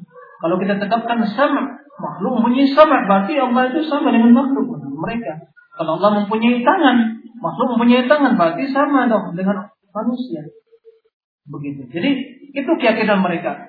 Tatkala pemikiran syubhat tasbih ini yang telah memotori akal mereka, maka muncul at-ta'til. Maka kita tidak boleh menetapkan, maka mereka ingkari sifat-sifat Karena dengan alasan tasbih. Tapi mereka tidak membaca ayat sebelumnya. Ayat sesudahnya. Laisa kamitslihi syai'un wa samiul basir. Dalam ayatnya Allah Subhanahu wa taala menyebutkan pertama menafikan tasbih penyerupaan. Kemudian dalam ayat potongan yang keduanya Allah menetapkan namanya bahwa Samiul Basir. Allah Maha mendengar dan Maha melihat. Jelas dengan apa Allah melihat? Jelas dengan penglihatan. Dengan apa Allah mendengar? Dengan pendengaran berarti Allah mempunyai as-sam'u pendengaran dan Allah mempunyai penglihatan. Begitu. Jadi kenapa wa Nah, oleh karenanya, kaqaulil Mu'tazilah seperti perkataan Mu'tazilah, "Lau ru'ya lakana jisman." Seandainya Allah itu bisa dilihat, maka berarti itu jisim. Jisim satu yang terlihat. Jisim kata mereka. Nah, jisim. Ini kalimat bukan kalimat an-nabawiyah syar'i, kalimat al-bid'i, al-khalafi. Ya, kalimat jisim itu tidak ada pernah diucapkan Rasulullah dan para sahabatnya.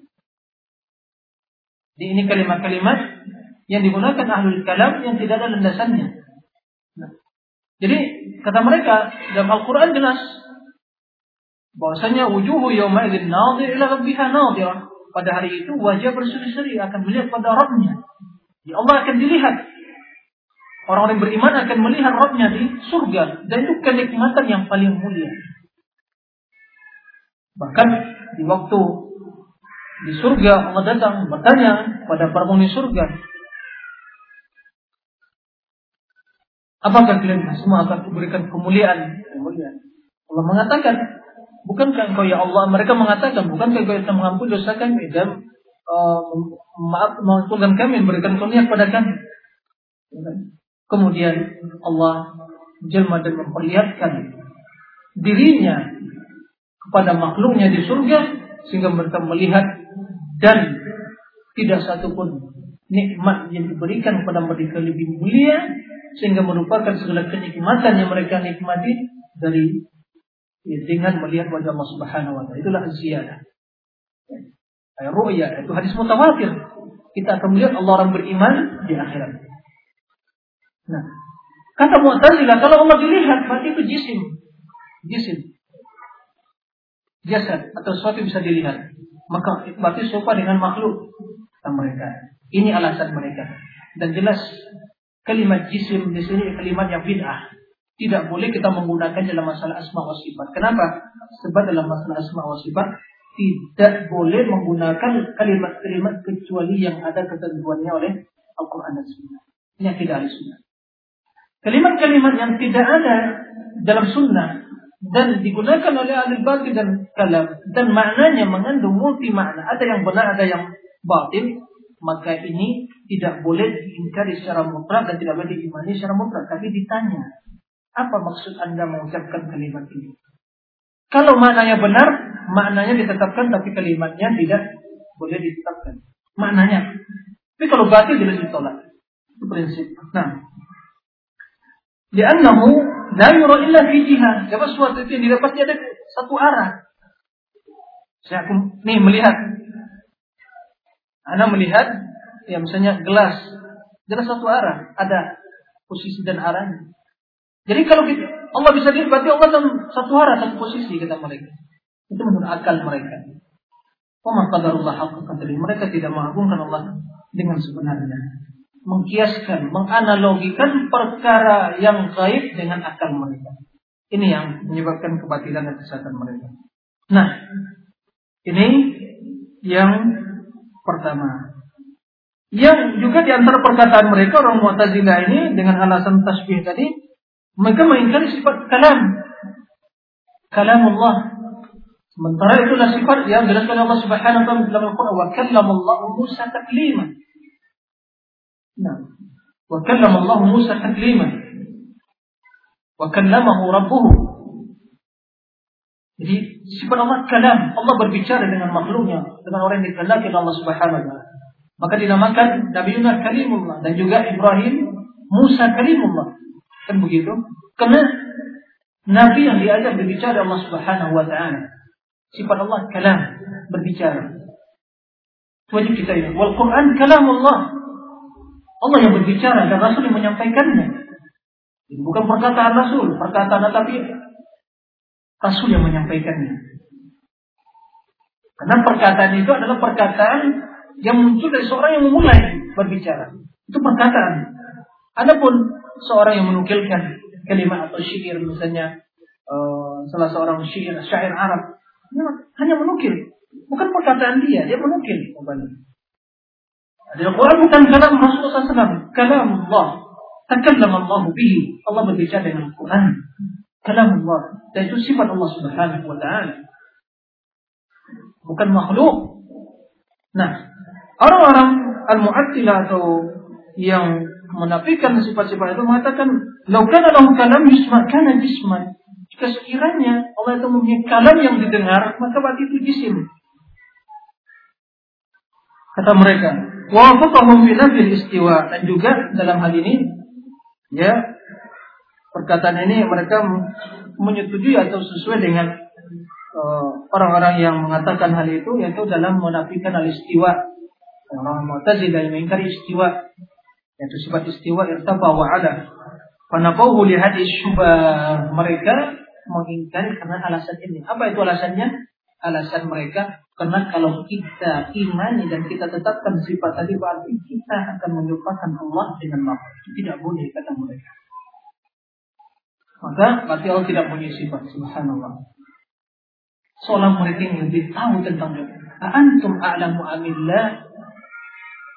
Apakah kalian yang lebih tahu, lebih pintar dan mengetahui tentang Allah daripada Allah?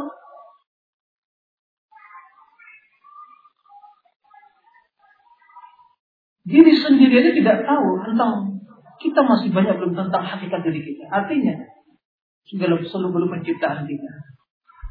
Ingin berbicara tentang Rabbul Alamin, maka manusia sangat tidak beradab dan tidak punya pengagungan kepada Allah Subhanahu wa taala. Tidak sadar, antum alamu amillah. Kemudian Rasulullah SAW, siapa yang lebih atau tidak ada yang lebih tahu tentang diri Allah daripada Allah. Dan tidak seorang pun dari makhluk yang lebih tahu tentang diri Allah, tentang Allah daripada Rasul. Makanya Rasul mengatakan yang tipu adil hawa yuha.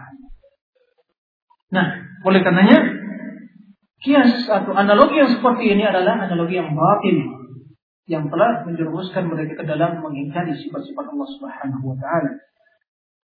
Nah, inilah yang juga yang menyebabkan orang-orang uh, Al-Jahmiyah mengingkari sifat Allah dan mengingkari Quran itu sebagai kalam Allah. Mereka mengatakan Al-Quran itu makhluk kata mereka. Jelas ini perbuatan yang batin dan perkataan yang kufur. Bahkan para ulama salaf telah sepakat mengkafirkan Jahmiyah dalam perkataan mereka yang mengatakan Al-Quran makhluk. Itu mengkala di Al-Quran makhluk bahwa kafir itu kesepakatan ulama salaf.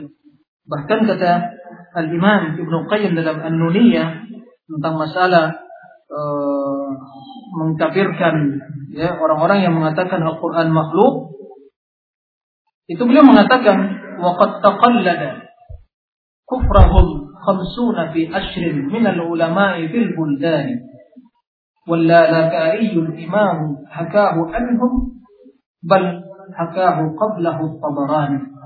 Artinya khamsin fil mi'ah, khamsina fil ashr kan? 50 kali 10 berapa? 500. 500 para ulama telah sepakat dalam mengkafirkan Jahmiyah kepada tabi'in. Itu dinukil Imam Al-Lakai dalam kitab Syarh Usul I'tiqad Ahli Sunnah wal Jamaah.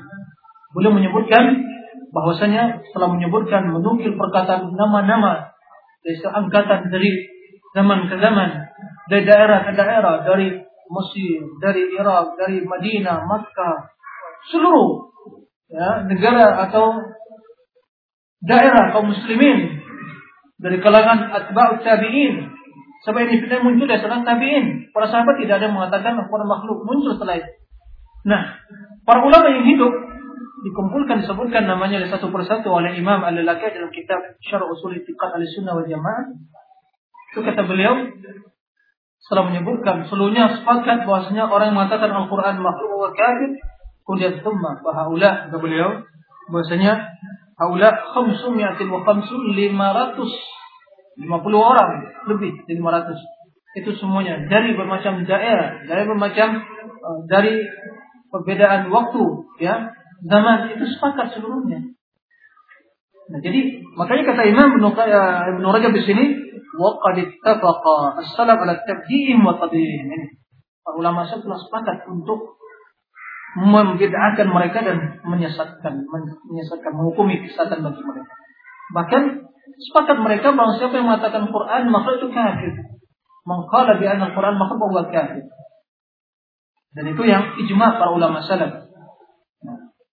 Sehingga kata Imam Ibnu Qayyim kita bacakan tadi di An-Nuniyah, walaqad taqallada kufrahum ya khamsuna fi ashrin min al-ulama fil buldani al-imam al-lalakai al-imam nam hakahu anhum bal hakahu qablahu at-tabarani nah jadi itu yang berkaitan dengan uh, pengingkaran ulama salaf terhadap ahlul bidah atau al-mu'tazilah wal jahmiyah. Wal jahmiyah itu atba pengikut Jaham bin Safwan. Orang yang pertama sekali mengatakan Al-Quran makhluk. Yang gurunya Ja'ad bin Dirham. Ja'ad bin Dirham itu disembeli oleh Khalid bin Abdullah Al-Qasri, salah seorang khalifah di Al-Abbasiyah Al-Amawiyah, nah. Di waktu hari Idul Adha. Begitu selesai khutbah beliau mengatakan kepada para kaum muslimin taqabbalallahu dhahku taqabbalallahu dhahayakum ya. berkorbanlah kalian semoga Allah menerima korban kalian. Fa inni udhahi bi ja'd dirham. Maka saya akan menyembelih ja'd dirham. Begitu dari mimbarnya dia sembelih. Begitu. Karena dia telah mengatakan itu Al-Quran mengingkari kalamullah, mengingkari Allah kalama Musa takrima. Amma Jaham bin Safwan itu telah dibunuh juga mati terbunuh. Yang dan itulah makalah Jaham yang Jaham Dirham itu mengambil pemikiran tersebut dari uh, Nabi bin Asim. Dia orang sebelumnya dari orang Yahud seperti itu yaitu itulah silsilah kebatilan dari makalah al-ja'atan. Nah, ini jadi dan itu para ulama kata Imam Al-Ajurri dalam kitab Syariah berterima kasih kepada Khalid bin Abdullah Al-Qasri dalam perbuatannya itu.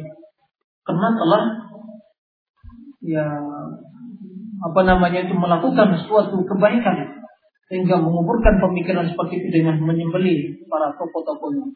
Nah itu jelas siapa yang melakukan penguasa. Makanya di zaman sekarang banyak orang yang berhak untuk disembeli, tapi siapa yang melakukannya? Jangan masjid itu para ulama, ya betul begitu. Yang mengatakan Quran berolok dengan Allah, ya kan? Itu udah berhak untuk disembeli, dipenggal lehernya. Tapi siapa? Dan itu ya yang pelaku hukum di penjara pun tidak ada manfaatnya. Bahkan seharusnya para pencuri-pencuri akidah itu lebih berhak di penjara dari pencuri sandal dan mungkin para pencuri yang berdasi. Ya, tikus-tikus yang berdasi. Ya, para pencuri-pencuri yang necis yang apa semua bersih. Itu lebih berhak daripada korupsi. Itu lebih berhak para pencuri-pencuri akidahnya yang bisa dipenjarakan. Dihukumi. Karena itu yang merusak akidah. Kalau sikap ahli sunnah. Sebab itu merusak agama. Kalau dunia dirusak mungkin tidak sebanding kalau ya agama telah rusak. Jadi begitu sikap ahli sunnah. Dan ini masalah din ya ikhwan. Bukan masalah keinginan, bukan perasaan. Masalah din. Ibadah. Begitu sikap tegas ahli sunnah dalam sebab tanpa ketegasan mereka tentunya akan sampai agama pada kita dengan keadaan apa? Tercampur baur. Tapi alhamdulillah perjuangan mereka, mereka menepis bermacam bentuk syubhat dan kebatilan tadi dan alhamdulillah masih utuh agama ini sampai pada kita. Nah, وقد سلك سبيلهم في بعض الأمور كثير ممن تسب إلى السنة والحديث dan terkadang telah menelusuri atau mengikuti metode-metode mereka dalam sebagian perkara juga kebanyakan orang-orang yang menisbati kepada sunnah wal hadis wal mutaakhir minal mutaakhir dari kalangan mutaakhir. Ini terjadi juga sebenarnya di kalangan mutaakhirin. Ini jelas setelah terjadinya apa namanya itu eh, berkembangnya ilmu filsafat ilmu kalam tadi sehingga telah merusak pemikiran para penuntut ilmu dan para ulama. Bahkan fitnah khalqul Quran yang terjadi zaman Imam Ahmad. Imam Ahmad dengan istiqomahannya teguh, kokoh, berdiri di atas sunnah, tidak mengatakan kecuali hanya Quran, kalamullah. Ya. Sehingga sebagian ulama mengatakan rahimallahu atau radhiyallahu anhu Bakar mana Allah telah menyamakan agama dari orang-orang yang di zamannya yaitu dengan memerangi alur ridha juga rahimallahu Imam Ahmad yang telah menyelamatkan agama tatkala timbulnya fitnah khalqul Quran. Seperti itu, banyak para ulama di penjara karena orang-orang yang telah menduduki posisi ke, ke, ke apa, kerajaan atau negara di zaman zaman Imam Ahmad itu yang telah dekat pada raja, khalifah atau khulafa itu orang-orang ahli batil, orang-orang Mu'tazilah. Sehingga di antara penyebab Imam Asy-Syafi'i lari keluar dari Baghdad meninggal Baghdad menuju Mesir, Mesir itu adalah karena orang-orang yang telah bersekongkol di uh, parlemen atau menteri itu orang-orang al-Mu'tazilah seperti itu. Jadi mereka orang para penjilat di sepanjang sejarah. Sampai zaman sekarang ini orang-orang ahli batin suka menjilat bagaimana untuk menduduki posisi tadi. Nah, baik wasani man arada ini yang kedua, yang pertama orang yang menafikan banyak dari sifat-sifat bahkan menafikan keseluruhan. Adapun yang kedua, wasani man arada isbata dzalika bi adillatil uqud allati lam yarid biha al-athar. Yang kedua adalah orang-orang yang ingin menetapkan sifat-sifat tersebut dengan dalil-dalil akal yang tidak ada landasannya dalam asar itu riwayat. Jangan orang ahli kalam Mu'tazilah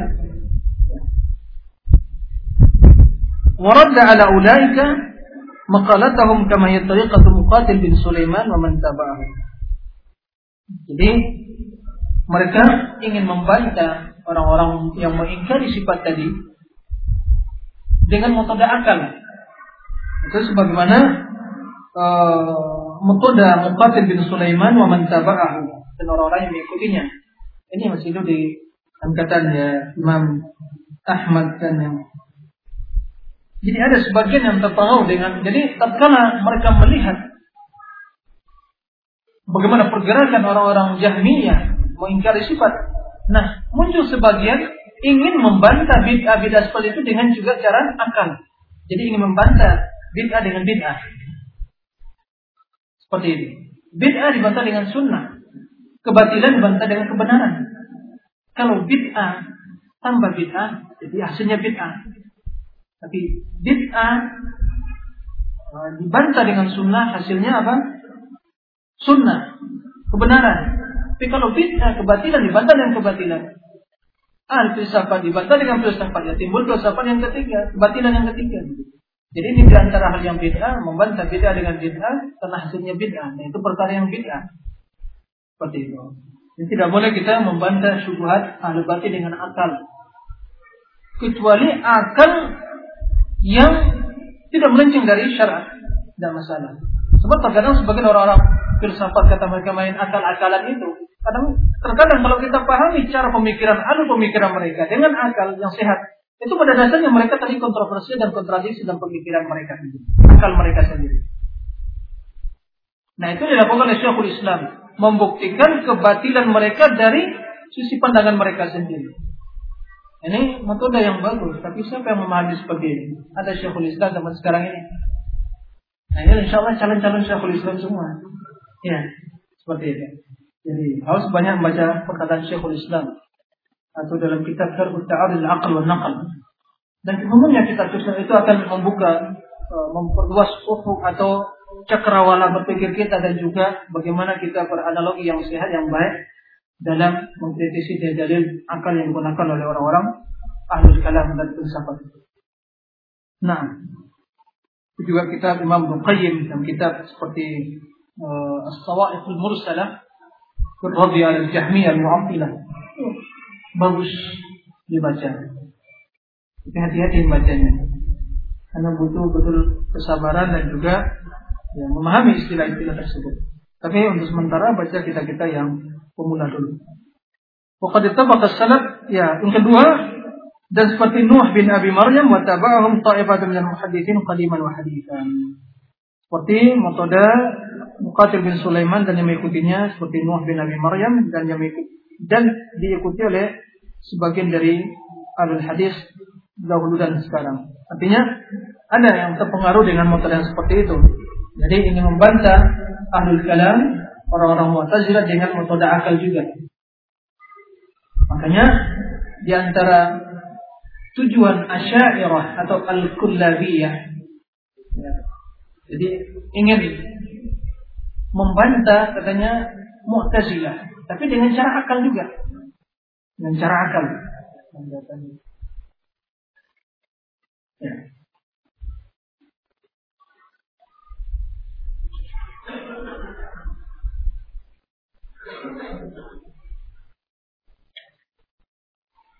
Jadi muncul bid'ah yang baru. Cuma menggunakan cara membantah bid'ah dengan bid'ah. Nah, jelas itu dicela oleh para ulama. Wahwa aidan maslak al-karramiyah dan juga metode al-karramiyah. Al-karramiyah adalah sekte yang menisbatkan diri atau pengikut Muhammad bin Karram as-Sijistani yang muncul yang menampilkan atau yang mengatakan pemikiran atau ideologi at-tajsim yang mengatakan Allah itu jisim katanya. Seperti itu. Seperti dia mengatakan Allah jisim dan dalam masalah iman dia mengatakan iman itu ya cukup apa yang diyakini diucapkan dengan lisan. Dan dia mengucapkan lisan dan beriman sekalipun tidak meyakini dengan hati dan tidak berbuat katanya. Itu al-karramiyah. Dia mengatakan jisim Allah itu jisim Muhammad bin Karram. Dan ini uh, Al-Imam uh, Ad-Darimi salah seorang ulama yang mengkritisi dan mendebat dia dan uh, memberikan faktor pada para ulama yang atau penguasa yang hidup zamannya untuk mengusir menyuruhkan dia atau menyuruh dia keluar dari daerahnya diusir sebagai Muhammad atau Uthman Ad-Darimi. Disebutkan oleh para ulama dalam biografi Imam Ad-Darimi. Dia ulama yang mendebatnya dan tentang makalah-makalah kebatilan dia itu dan setelah itu ternyata dia mati kutu dan tidak bisa menegakkan kebatilannya tadi dan diinstruksikan oleh Imam Utsman Ad-Darimi untuk diusir dari daerah dikeluarkan disingkirkan. Ya, agar seperti itu. Waminhum man asbata li hadis sifat al-jisim dan antara mereka ada yang menetapkan untuk menetapkan sifat-sifatnya itu al-jisim jisim Imma lafzan atau imma ma'nan. Baik secara lafaz atau Allah jisim atau maknanya. Sekalipun mungkin dalam ungkapannya berbeda tapi intinya Allah jisim. Peminhum man athbata lillahi sifatin lam ya'ti biha al-kitab wa sunnah kal harakah. Dan di antara mereka ada yang menetapkan sifat bagi Allah apa yang tidak terdapat dalam Al-Quran dan Sunnah seperti al-harakah itu bergerak ini permasalahan ya al-harakah. Apakah boleh kita mengatakan bahwa itu bergerak? Allah menjelaskan di dalam hadis yanzilu rabbuna hina yabqa. Allah turun ke langit bumi ya sepertiga malam terakhir. Yanzil turun. Atau apakah Allah itu berpindah yang takil seperti itu. Ini Nah, sebelum itu dijelaskan, perlu diketahui ungkapan-ungkapan atau lafaz-lafaz yang seperti itu, haraka yang takil, itu adalah lafaz-lafaz yang tidak ada terdapat dalam Al-Quran Sunnah. Nah, kaidah dalam asma wa sifat Yang dijelaskan oleh para ulama, tapi juga imam yang lain dan dijelaskan oleh al-imam Syekhul Islam dalam kitab Risalah Tadmuriyah itu menjelaskan ini penting agar seorang talibul ilmi. Tatkala dihadapkan kepada ungkapan-ungkapan yang seperti itu bagi al-hayyiz atau jisim atau jihad di satu arah makan atau harakah yang itu lapan-lapas yang tidak ada keterangan dalam Al-Quran dan Sunnah. Nah, bagaimana sikap kita dalam menyikapi dalam terhadap lapan-lapan tersebut dalam masalah asma bab asma wa sifat. Bolehkah kita menetapkan sifat itu kepada Allah? Kita mengatakan Allah yataharrak, bolehkah? Nah, atau yantaqid atau Allah fi hayyiz, fi jihad, satu tempat atau satu arah, satu sisi, boleh seperti itu? Pertama, kalimat-kalimat itu tidak ada dalam Al-Quran. Kemudian tidak pernah diucapkan oleh salaful ummah, sahabat dan tabi'in. Nah, kaidahnya kata Syekhul Islam, ini kaidah yang sepadan dan ini disepakati oleh para ulama ahli sunnah dalam kaidah ini. Kaidah yang kata Syekhul Islam kita risalah tadmuriyah. Qal wa ma wa ma tanazza'a fihi apa yang diperselisihkan oleh orang mutaakhirin fihi tentang masalah masalah yang seperti itu seperti jihad al-hayyiz makan seperti itu. Nah nafyan wa itsbatan baik secara menafikan atau menetapkan. Falaysa ala ahadin dan tidak dibolehkan bagi seorang pun bal wala lahu an yuwafiqahu yuwafiq ahadan ala itsbati lafzin aw nafi. Dan tidak boleh baginya menyetujui atau mengikuti seorang pun dalam menetapkan, mengimani atau meyakini lafaz tersebut dan juga dalam mengingkarinya. Jadi non blok tidak boleh gitu. Tidak diingkari dan tidak ditetapkan. Tidak boleh menyusul. Oh ya, saya setuju dengan Anda yang menetapkan. Oh ya, saya setuju dengan Anda menetapkan. Tidak boleh. Netral. Kemudian kata beliau, hatta yu'raf muraduhu sampai diketahui maksud orang yang mengucapkan. Fa'in arada jika ia bermaksud haqqan makna yang benar kubil itu diterima. Maknanya diterima. Wa in arada batilan jika maksudnya batin maka ditolak, rudda. Akan tapi jika mengandung mencakup makna yang batil dan makna yang benar. Wa in istamala kalamuhu ala haqqin wa batil benar dan kebatilan lam yuqbal mutlaqan tidak bisa terima secara mutlak. Wala yuraddu jami' makna tidak bisa ditolak makna secara keseluruhan. Paham tuh baik. Bal yuqaful lafzu akan tapi um, lafaznya ditahan. Ditahan lafaznya. Tidak boleh dilepaskan. Wa yufassar makna dan ditafsirkan maknanya. Maknanya jelaskan. Ini kaidah Ulangi, ulang. Diulangi? Hah? Baik. Ini masalah asma sifat ya يحتاج إن شاء الله تدرسون هنا أسماء وصفات إن شاء الله Nah, jadi kaidah al-sunnah al-sunnah sebagai kita jelaskan pertanyaan yang malam tadi artinya dalam menetapkan asma wa sifat itu mereka hanya menggunakan lafaz-lafaz dan nama-nama yang ada dalam Al-Quran dan Sunnah. Tidak boleh keluar dari itu. Nah, kalau ada kalimat-kalimat yang digunakan ahli kalam atau orang-orang yang menggunakan kalimat dalam asma wa sifat atau lafaz-lafaz asma wa sifat yang tidak ada ketentuannya dalam Al-Quran dan Sunnah. Bagaimana sikap kita? Langsung kita terima atau kita tolak? Pertama kata Syekhul Islam, tidak boleh seorang pun untuk merestui atau menyetujui seseorang dalam perkataan atau mungkin uh, pro pada seorang dalam nafas tersebut. Itu kata beliau, wa ma tazaza fihi mutaakhirun nafyan wa itsbatan wa laysa ahadin maka tidak menekan seorang pun. Bal wala lahu dan tidak bolehkan ya baginya untuk aywajiqa ahadan ala itsbati lafzihi wa untuk menyetujui atau pro pada seseorang dalam meletakkan sifat tadi, lafaz tadi dan juga dalam mengingkarinya. Dia netral. Tidak sini dan tidak itu. Dia netral. Jadi tidak mengingkari dan tidak menafikan. Karena belum jelas apa maksudnya. Hatta yu'rab muradu sampai diketahui maksudnya. Jika ia mengucapkan kalimat fi jihad di arah satu arah. Apa maksud Anda? Jihad. Apakah ini maksud jihad diliputi oleh makhluknya atau jihad itu yu'ulu? Kan begitu? Ulu itu tinggi.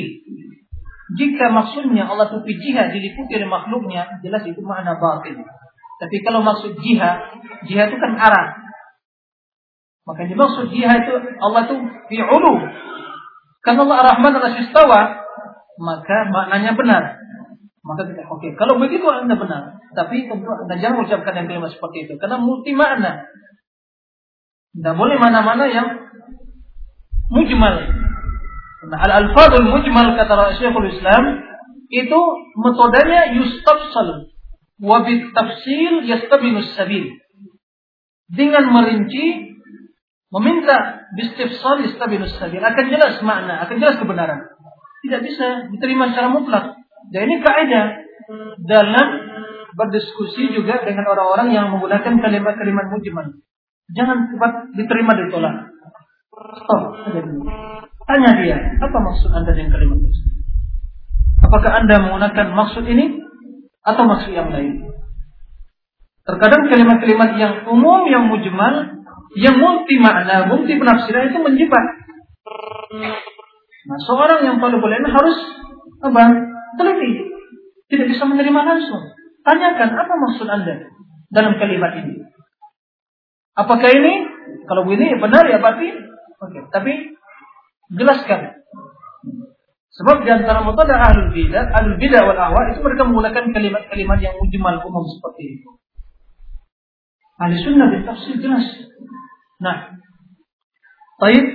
Kemudian jika maknanya benar maka diterima, jika maknanya batil ditolak. Akan tapi jika mencakup makna yang batil dan makna yang benar dan batil, maka kata Syekhul Islam tidak bisa diterima secara mutlak dan tidak bisa ditolak secara mutlak. Itu. Akan tapi dan ditolak maknanya secara keseluruhan. Akan tapi dipegang lapas itu kemudian dijelaskan maknanya. Ini. Nah dalam kalimat al-harakah itu jelas tidak terdapat dalam Al-Quran kita harap. Akan tapi yaji'u Wajah rabbuka wal malaku safan senam. Ja, datang. Ya kan? Datang. Wajah rabbuka wal malaku safan safan. Nah. Masalah maji. Nah, itu jelas kalimatnya, tapi kalimat al-harakah tidak ada. Nah, apakah datangnya Allah seperti datangnya makhluk tidak? Apakah datangnya Allah yang takil berpindah atau datangnya Allah bergerak. Itu kan tidak ada Al-Quran seperti itu. Nah kata Syekhul Islam telah menyebutkan kalimat harakah ini. Perbedaan sebagian ada yang menetapkan sebagian mengingkari. Tidak apa-apa nah baca di perkataan Syekhul Islam. Turidun antas mau Hah? Kata Syekhul Islam wa amma lafzul zawal wal intiqal. Zawar itu dilincirkan begitu. Kemudian zaw intiqal berpindah. Fahadha lafdhu mujmal. Ini lafaz yang mujmal umum. Karena itu ulama hadis dan sunnah dalam hal itu berbeda pendapat. Wa bin Sa'id ad-Darimi, Utsman bin Sa'id ad-Darimi wa Imam Utsman bin Sa'id punya kitab dan kitab eh, Radul Jahmiyah dan juga Naqda ala Bisr Mirisi dan yang lainnya mengingkari mengingkari Jahmiyah tentang perkataan mereka innahu la yataharrak bahwa Allah itu tidak bergerak. Wa dzakaru atharan annahu la yazul. Dan menyebutkan sebuah riwayat bahwa Allah itu la yazul itu tidak berpindah kan begitu? Wa fassaru zawal bil harakah dan menafsirkan kalimat zawal itu dengan harakah ini kata itu diingkari oleh al-Imam Uthman bin Sa'id dari dalam kitabnya Naqdu ala Bism Rizki karena menggunakan kalimat harakah yataharram yang lainnya Baik, fabayyana Uthman bin Sa'id dan Uthman bin Sa'id menjelaskan anna dzalikal athar in kana sahihan. Asar yang digunakan itu innahu la yazul. Sekadanya sahih lam yakun hujjatan lahum. Tidaklah hujjah bagi mereka. Ya. Ini terakhir perkataan Syekhul Islam, setelah itu kita istirahat. Ya. Nanggung ya, tidak apa-apa ya. ولا نستريح طيب استمر أنت تريد استمرار ها طيب ني فائدة طيب أنه وبين عثمان نعم lam yakun hujatan lahum. sekadarnya itu asar yang dinukil mereka annahu la yazul. Itu hasannya sahih, maka itu tidak hujah bagi mereka. Li'annahu fi tafsir qawli karena itu merupakan tafsir qawlahu al-hayyul qayyum. Dzakaru an thabitin daimun baqin la yazulu amma yastahiquhu. Itu disebutkan mereka menyebutkan dari sabit bahwasanya makna hayyul qayyum itu daim baqin la yazul itu tidak berpindah tidak uh, apa namanya berpindah yazul Nah, amma yastahiquhu dari apa yang uh, berhak dimilikinya. Kama qala Ibnu Ishaq sebagaimana kata Ibnu Ishaq. La yazulu an makanihi, an makanatihi. Tidak keluar, tidak bergeser dari tempat atau kedudukannya. Qultu wal kalbi bi nafsihi alladhi rawa hadzal hadits wa yaqul sementara al-kalbi yang sendirinya yang meriwayatkan hadis ini yaitu annahu la yazul itu dia juga yang mengatakan istawa ala arsy istaqarra itu tetap di atas arasnya itu istawa. Wa yaqulu thumma istawa ala arsy itu saida ila sama itu naik ke langit. Wa amal intiqal adapun lafaz intiqal berpindah Ibnu Hamid wa qa'ifatun yaqulun itu Ibnu Hamid dan sebagian uh, jemaah dari para ulama mengatakan yanzilu bi harakatin wa turun dengan harakah gerak dan berpindah. Itu Ibnu Hamid dan yang lainnya. Wa akharun min ahli sunnah dan yang lain dari ahli sunnah akad tamimi ya min ashabi Ahmad angkaru hada mereka mengingkari ini. Kenapa? Karena kalimat yanzil yaitu yataharrak wa yazul tidak ada dalam Al-Quran dalam sunnah. Rasul mengatakan yanzil rabbuna hina yabqa thuluthul lailil baik nah kemudian wa qalu bal yanzilu bila haraka wa intikal bahkan Allah turun tanpa bergerak dan berpindah. Baik. Wa ta'ifatun tsalitsah kelompok yang pendapat yang ketiga mengatakan kabni Battah wa ghairihi yaqifuna fi hadha itu mereka diam dalam hal tidak mengatakan. Karena ungkapan atau lapan seperti itu tidak ada ya dalam Al-Qur'an dan Sunnah. Nah, ini disebutkan oleh al-Imam perkataan yang ketiga tadi dinukil oleh Qadiyabiyah dalam kitab Ikhtilaf ini wal Wajhaini itu kitabnya marfu.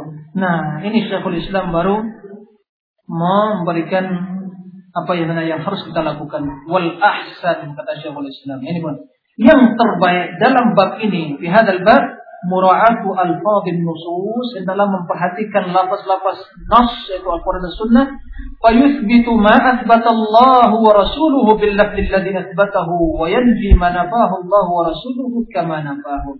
Kita ditetapkan apa yang ditetapkan oleh Allah dan Rasulnya dengan lafaz yang telah ditetapkan oleh Allah dan menafikan apa yang telah dinafikan oleh Allah dan Rasulnya kama nafa sebagaimana yang kita ini yang dijelaskan oleh Syekhul Islam. Ini memperkuat pernyataan yang beliau sampaikan dalam kitab At-Tadmuriyah. Baik. Wa huwa an yuthbita an-nuzul wal ityan wal majid. Itu kita menetapkan an-nuzul wal ityan. Ya. Kemudian wal majid wa ja'a rabbuka wal malaku saffan saffa. Nah. Begitu itian.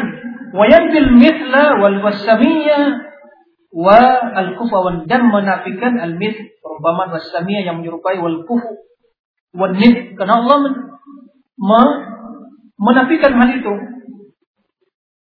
Wa taj'alul lahi andada kemudian laisa kufuwan ahad laisa lahu qul huwallahu ahad. Allah samad lam yalid wa lam yulad wa lam yakul lahu kufuwan ahad. Allah menafikan kufu. Kemudian juga samiyah hal ta'lamu lahu samiyah wa qala mithl laisa kamithlihi syai' Wala tadribu lahul. Walillahi mathalul a'la. Jadi itu semuanya ada dalam Al-Quran. Maka kita menggunakan lafaz-lafaz seperti itu pada syaitan. Wa bihada yahtaj al-Bukhari wa ghairuhu ala nafil mithli. Dengan inilah ya Imam Bukhari berdalil dan yang lainnya untuk ala nafil mithil. Ala nafil mithil itu menafikan al-mithil dari Allah Subhanahu wa taala. Perumpamaan, permisalan. يقال ينزل نزولا ليس كمثله شيء نزل نزولا لا يماثل نزول المخلوقين نزولا يختص به كما أنه في ذلك وفي سائر ما وصف به نفسه ليس كمثله شيء في ذلك di mana Allah turun turun sesuai yang tidak menyerupai sesuatu menyerupai turunnya Allah turun yang tidak menyerupai turunnya makhluk turun yang sesuai yang khusus dengan Allah Subhanahu wa taala sebagaimana hal itu dan juga dalam seluruh sifat-sifat Allah Subhanahu wa taala di mana tidak satu pun yang menyerupainya. Wa huwa munazzahun an yakuna nuzuluhu dan Allah Maha suci turunnya itu sesuai atau seperti turunnya makhluk wa harakatihi wa intiqalihi wa zawalihi dan geraknya, berpindahnya dan uh, nah berpindahnya itu uh, mutlakan yaitu secara mutlak la nuzulan adamiyyin walau tidak seperti turunnya manusia atau makhluk dan yang lainnya. Jadi jelas tidak sesuai ya dengan uh, tidak serupa dengan turunnya makhluk wal makhluk idza nazal min uluwin ila zala wasfuhu bil.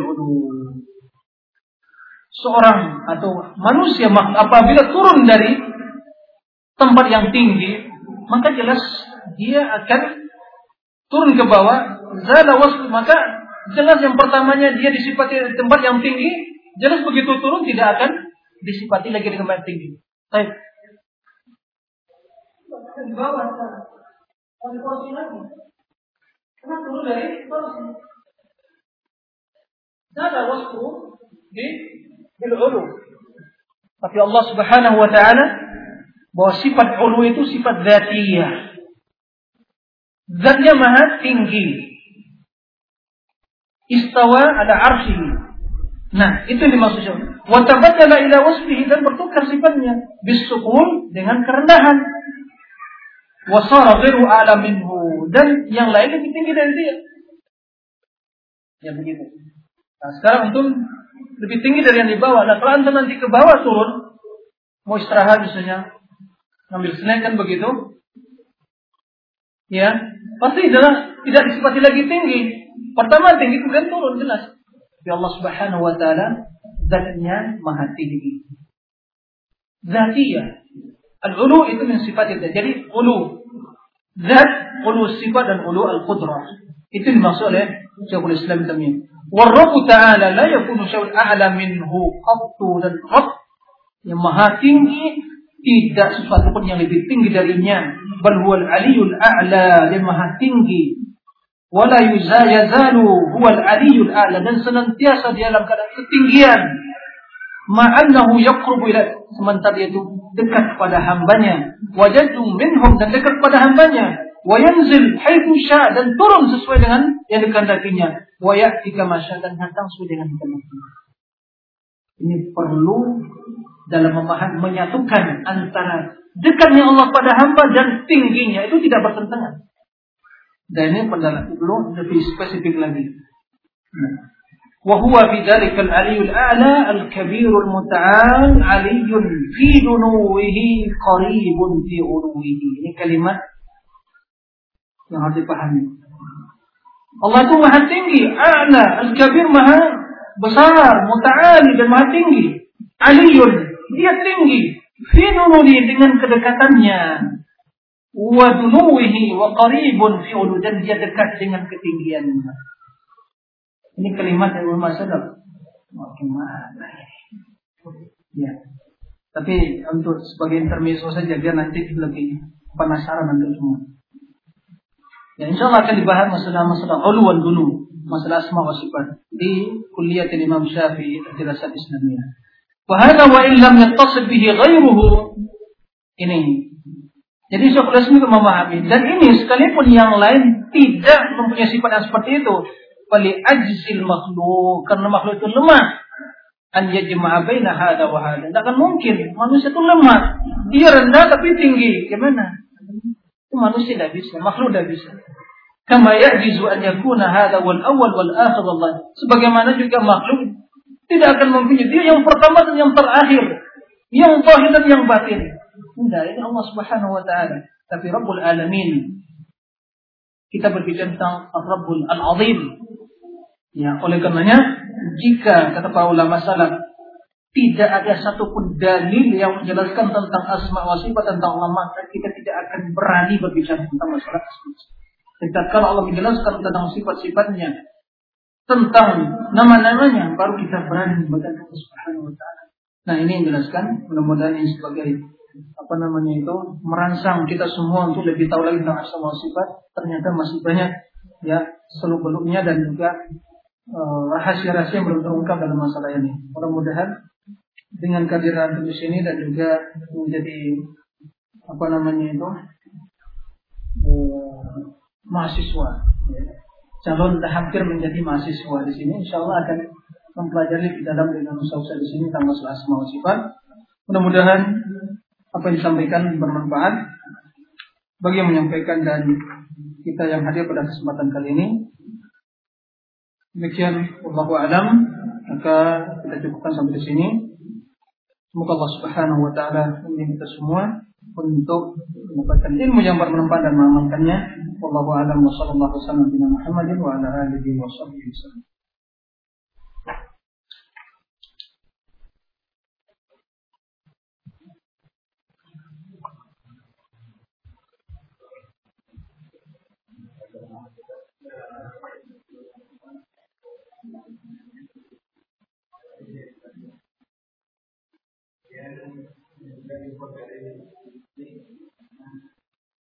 Yeah. en el que la oportunidad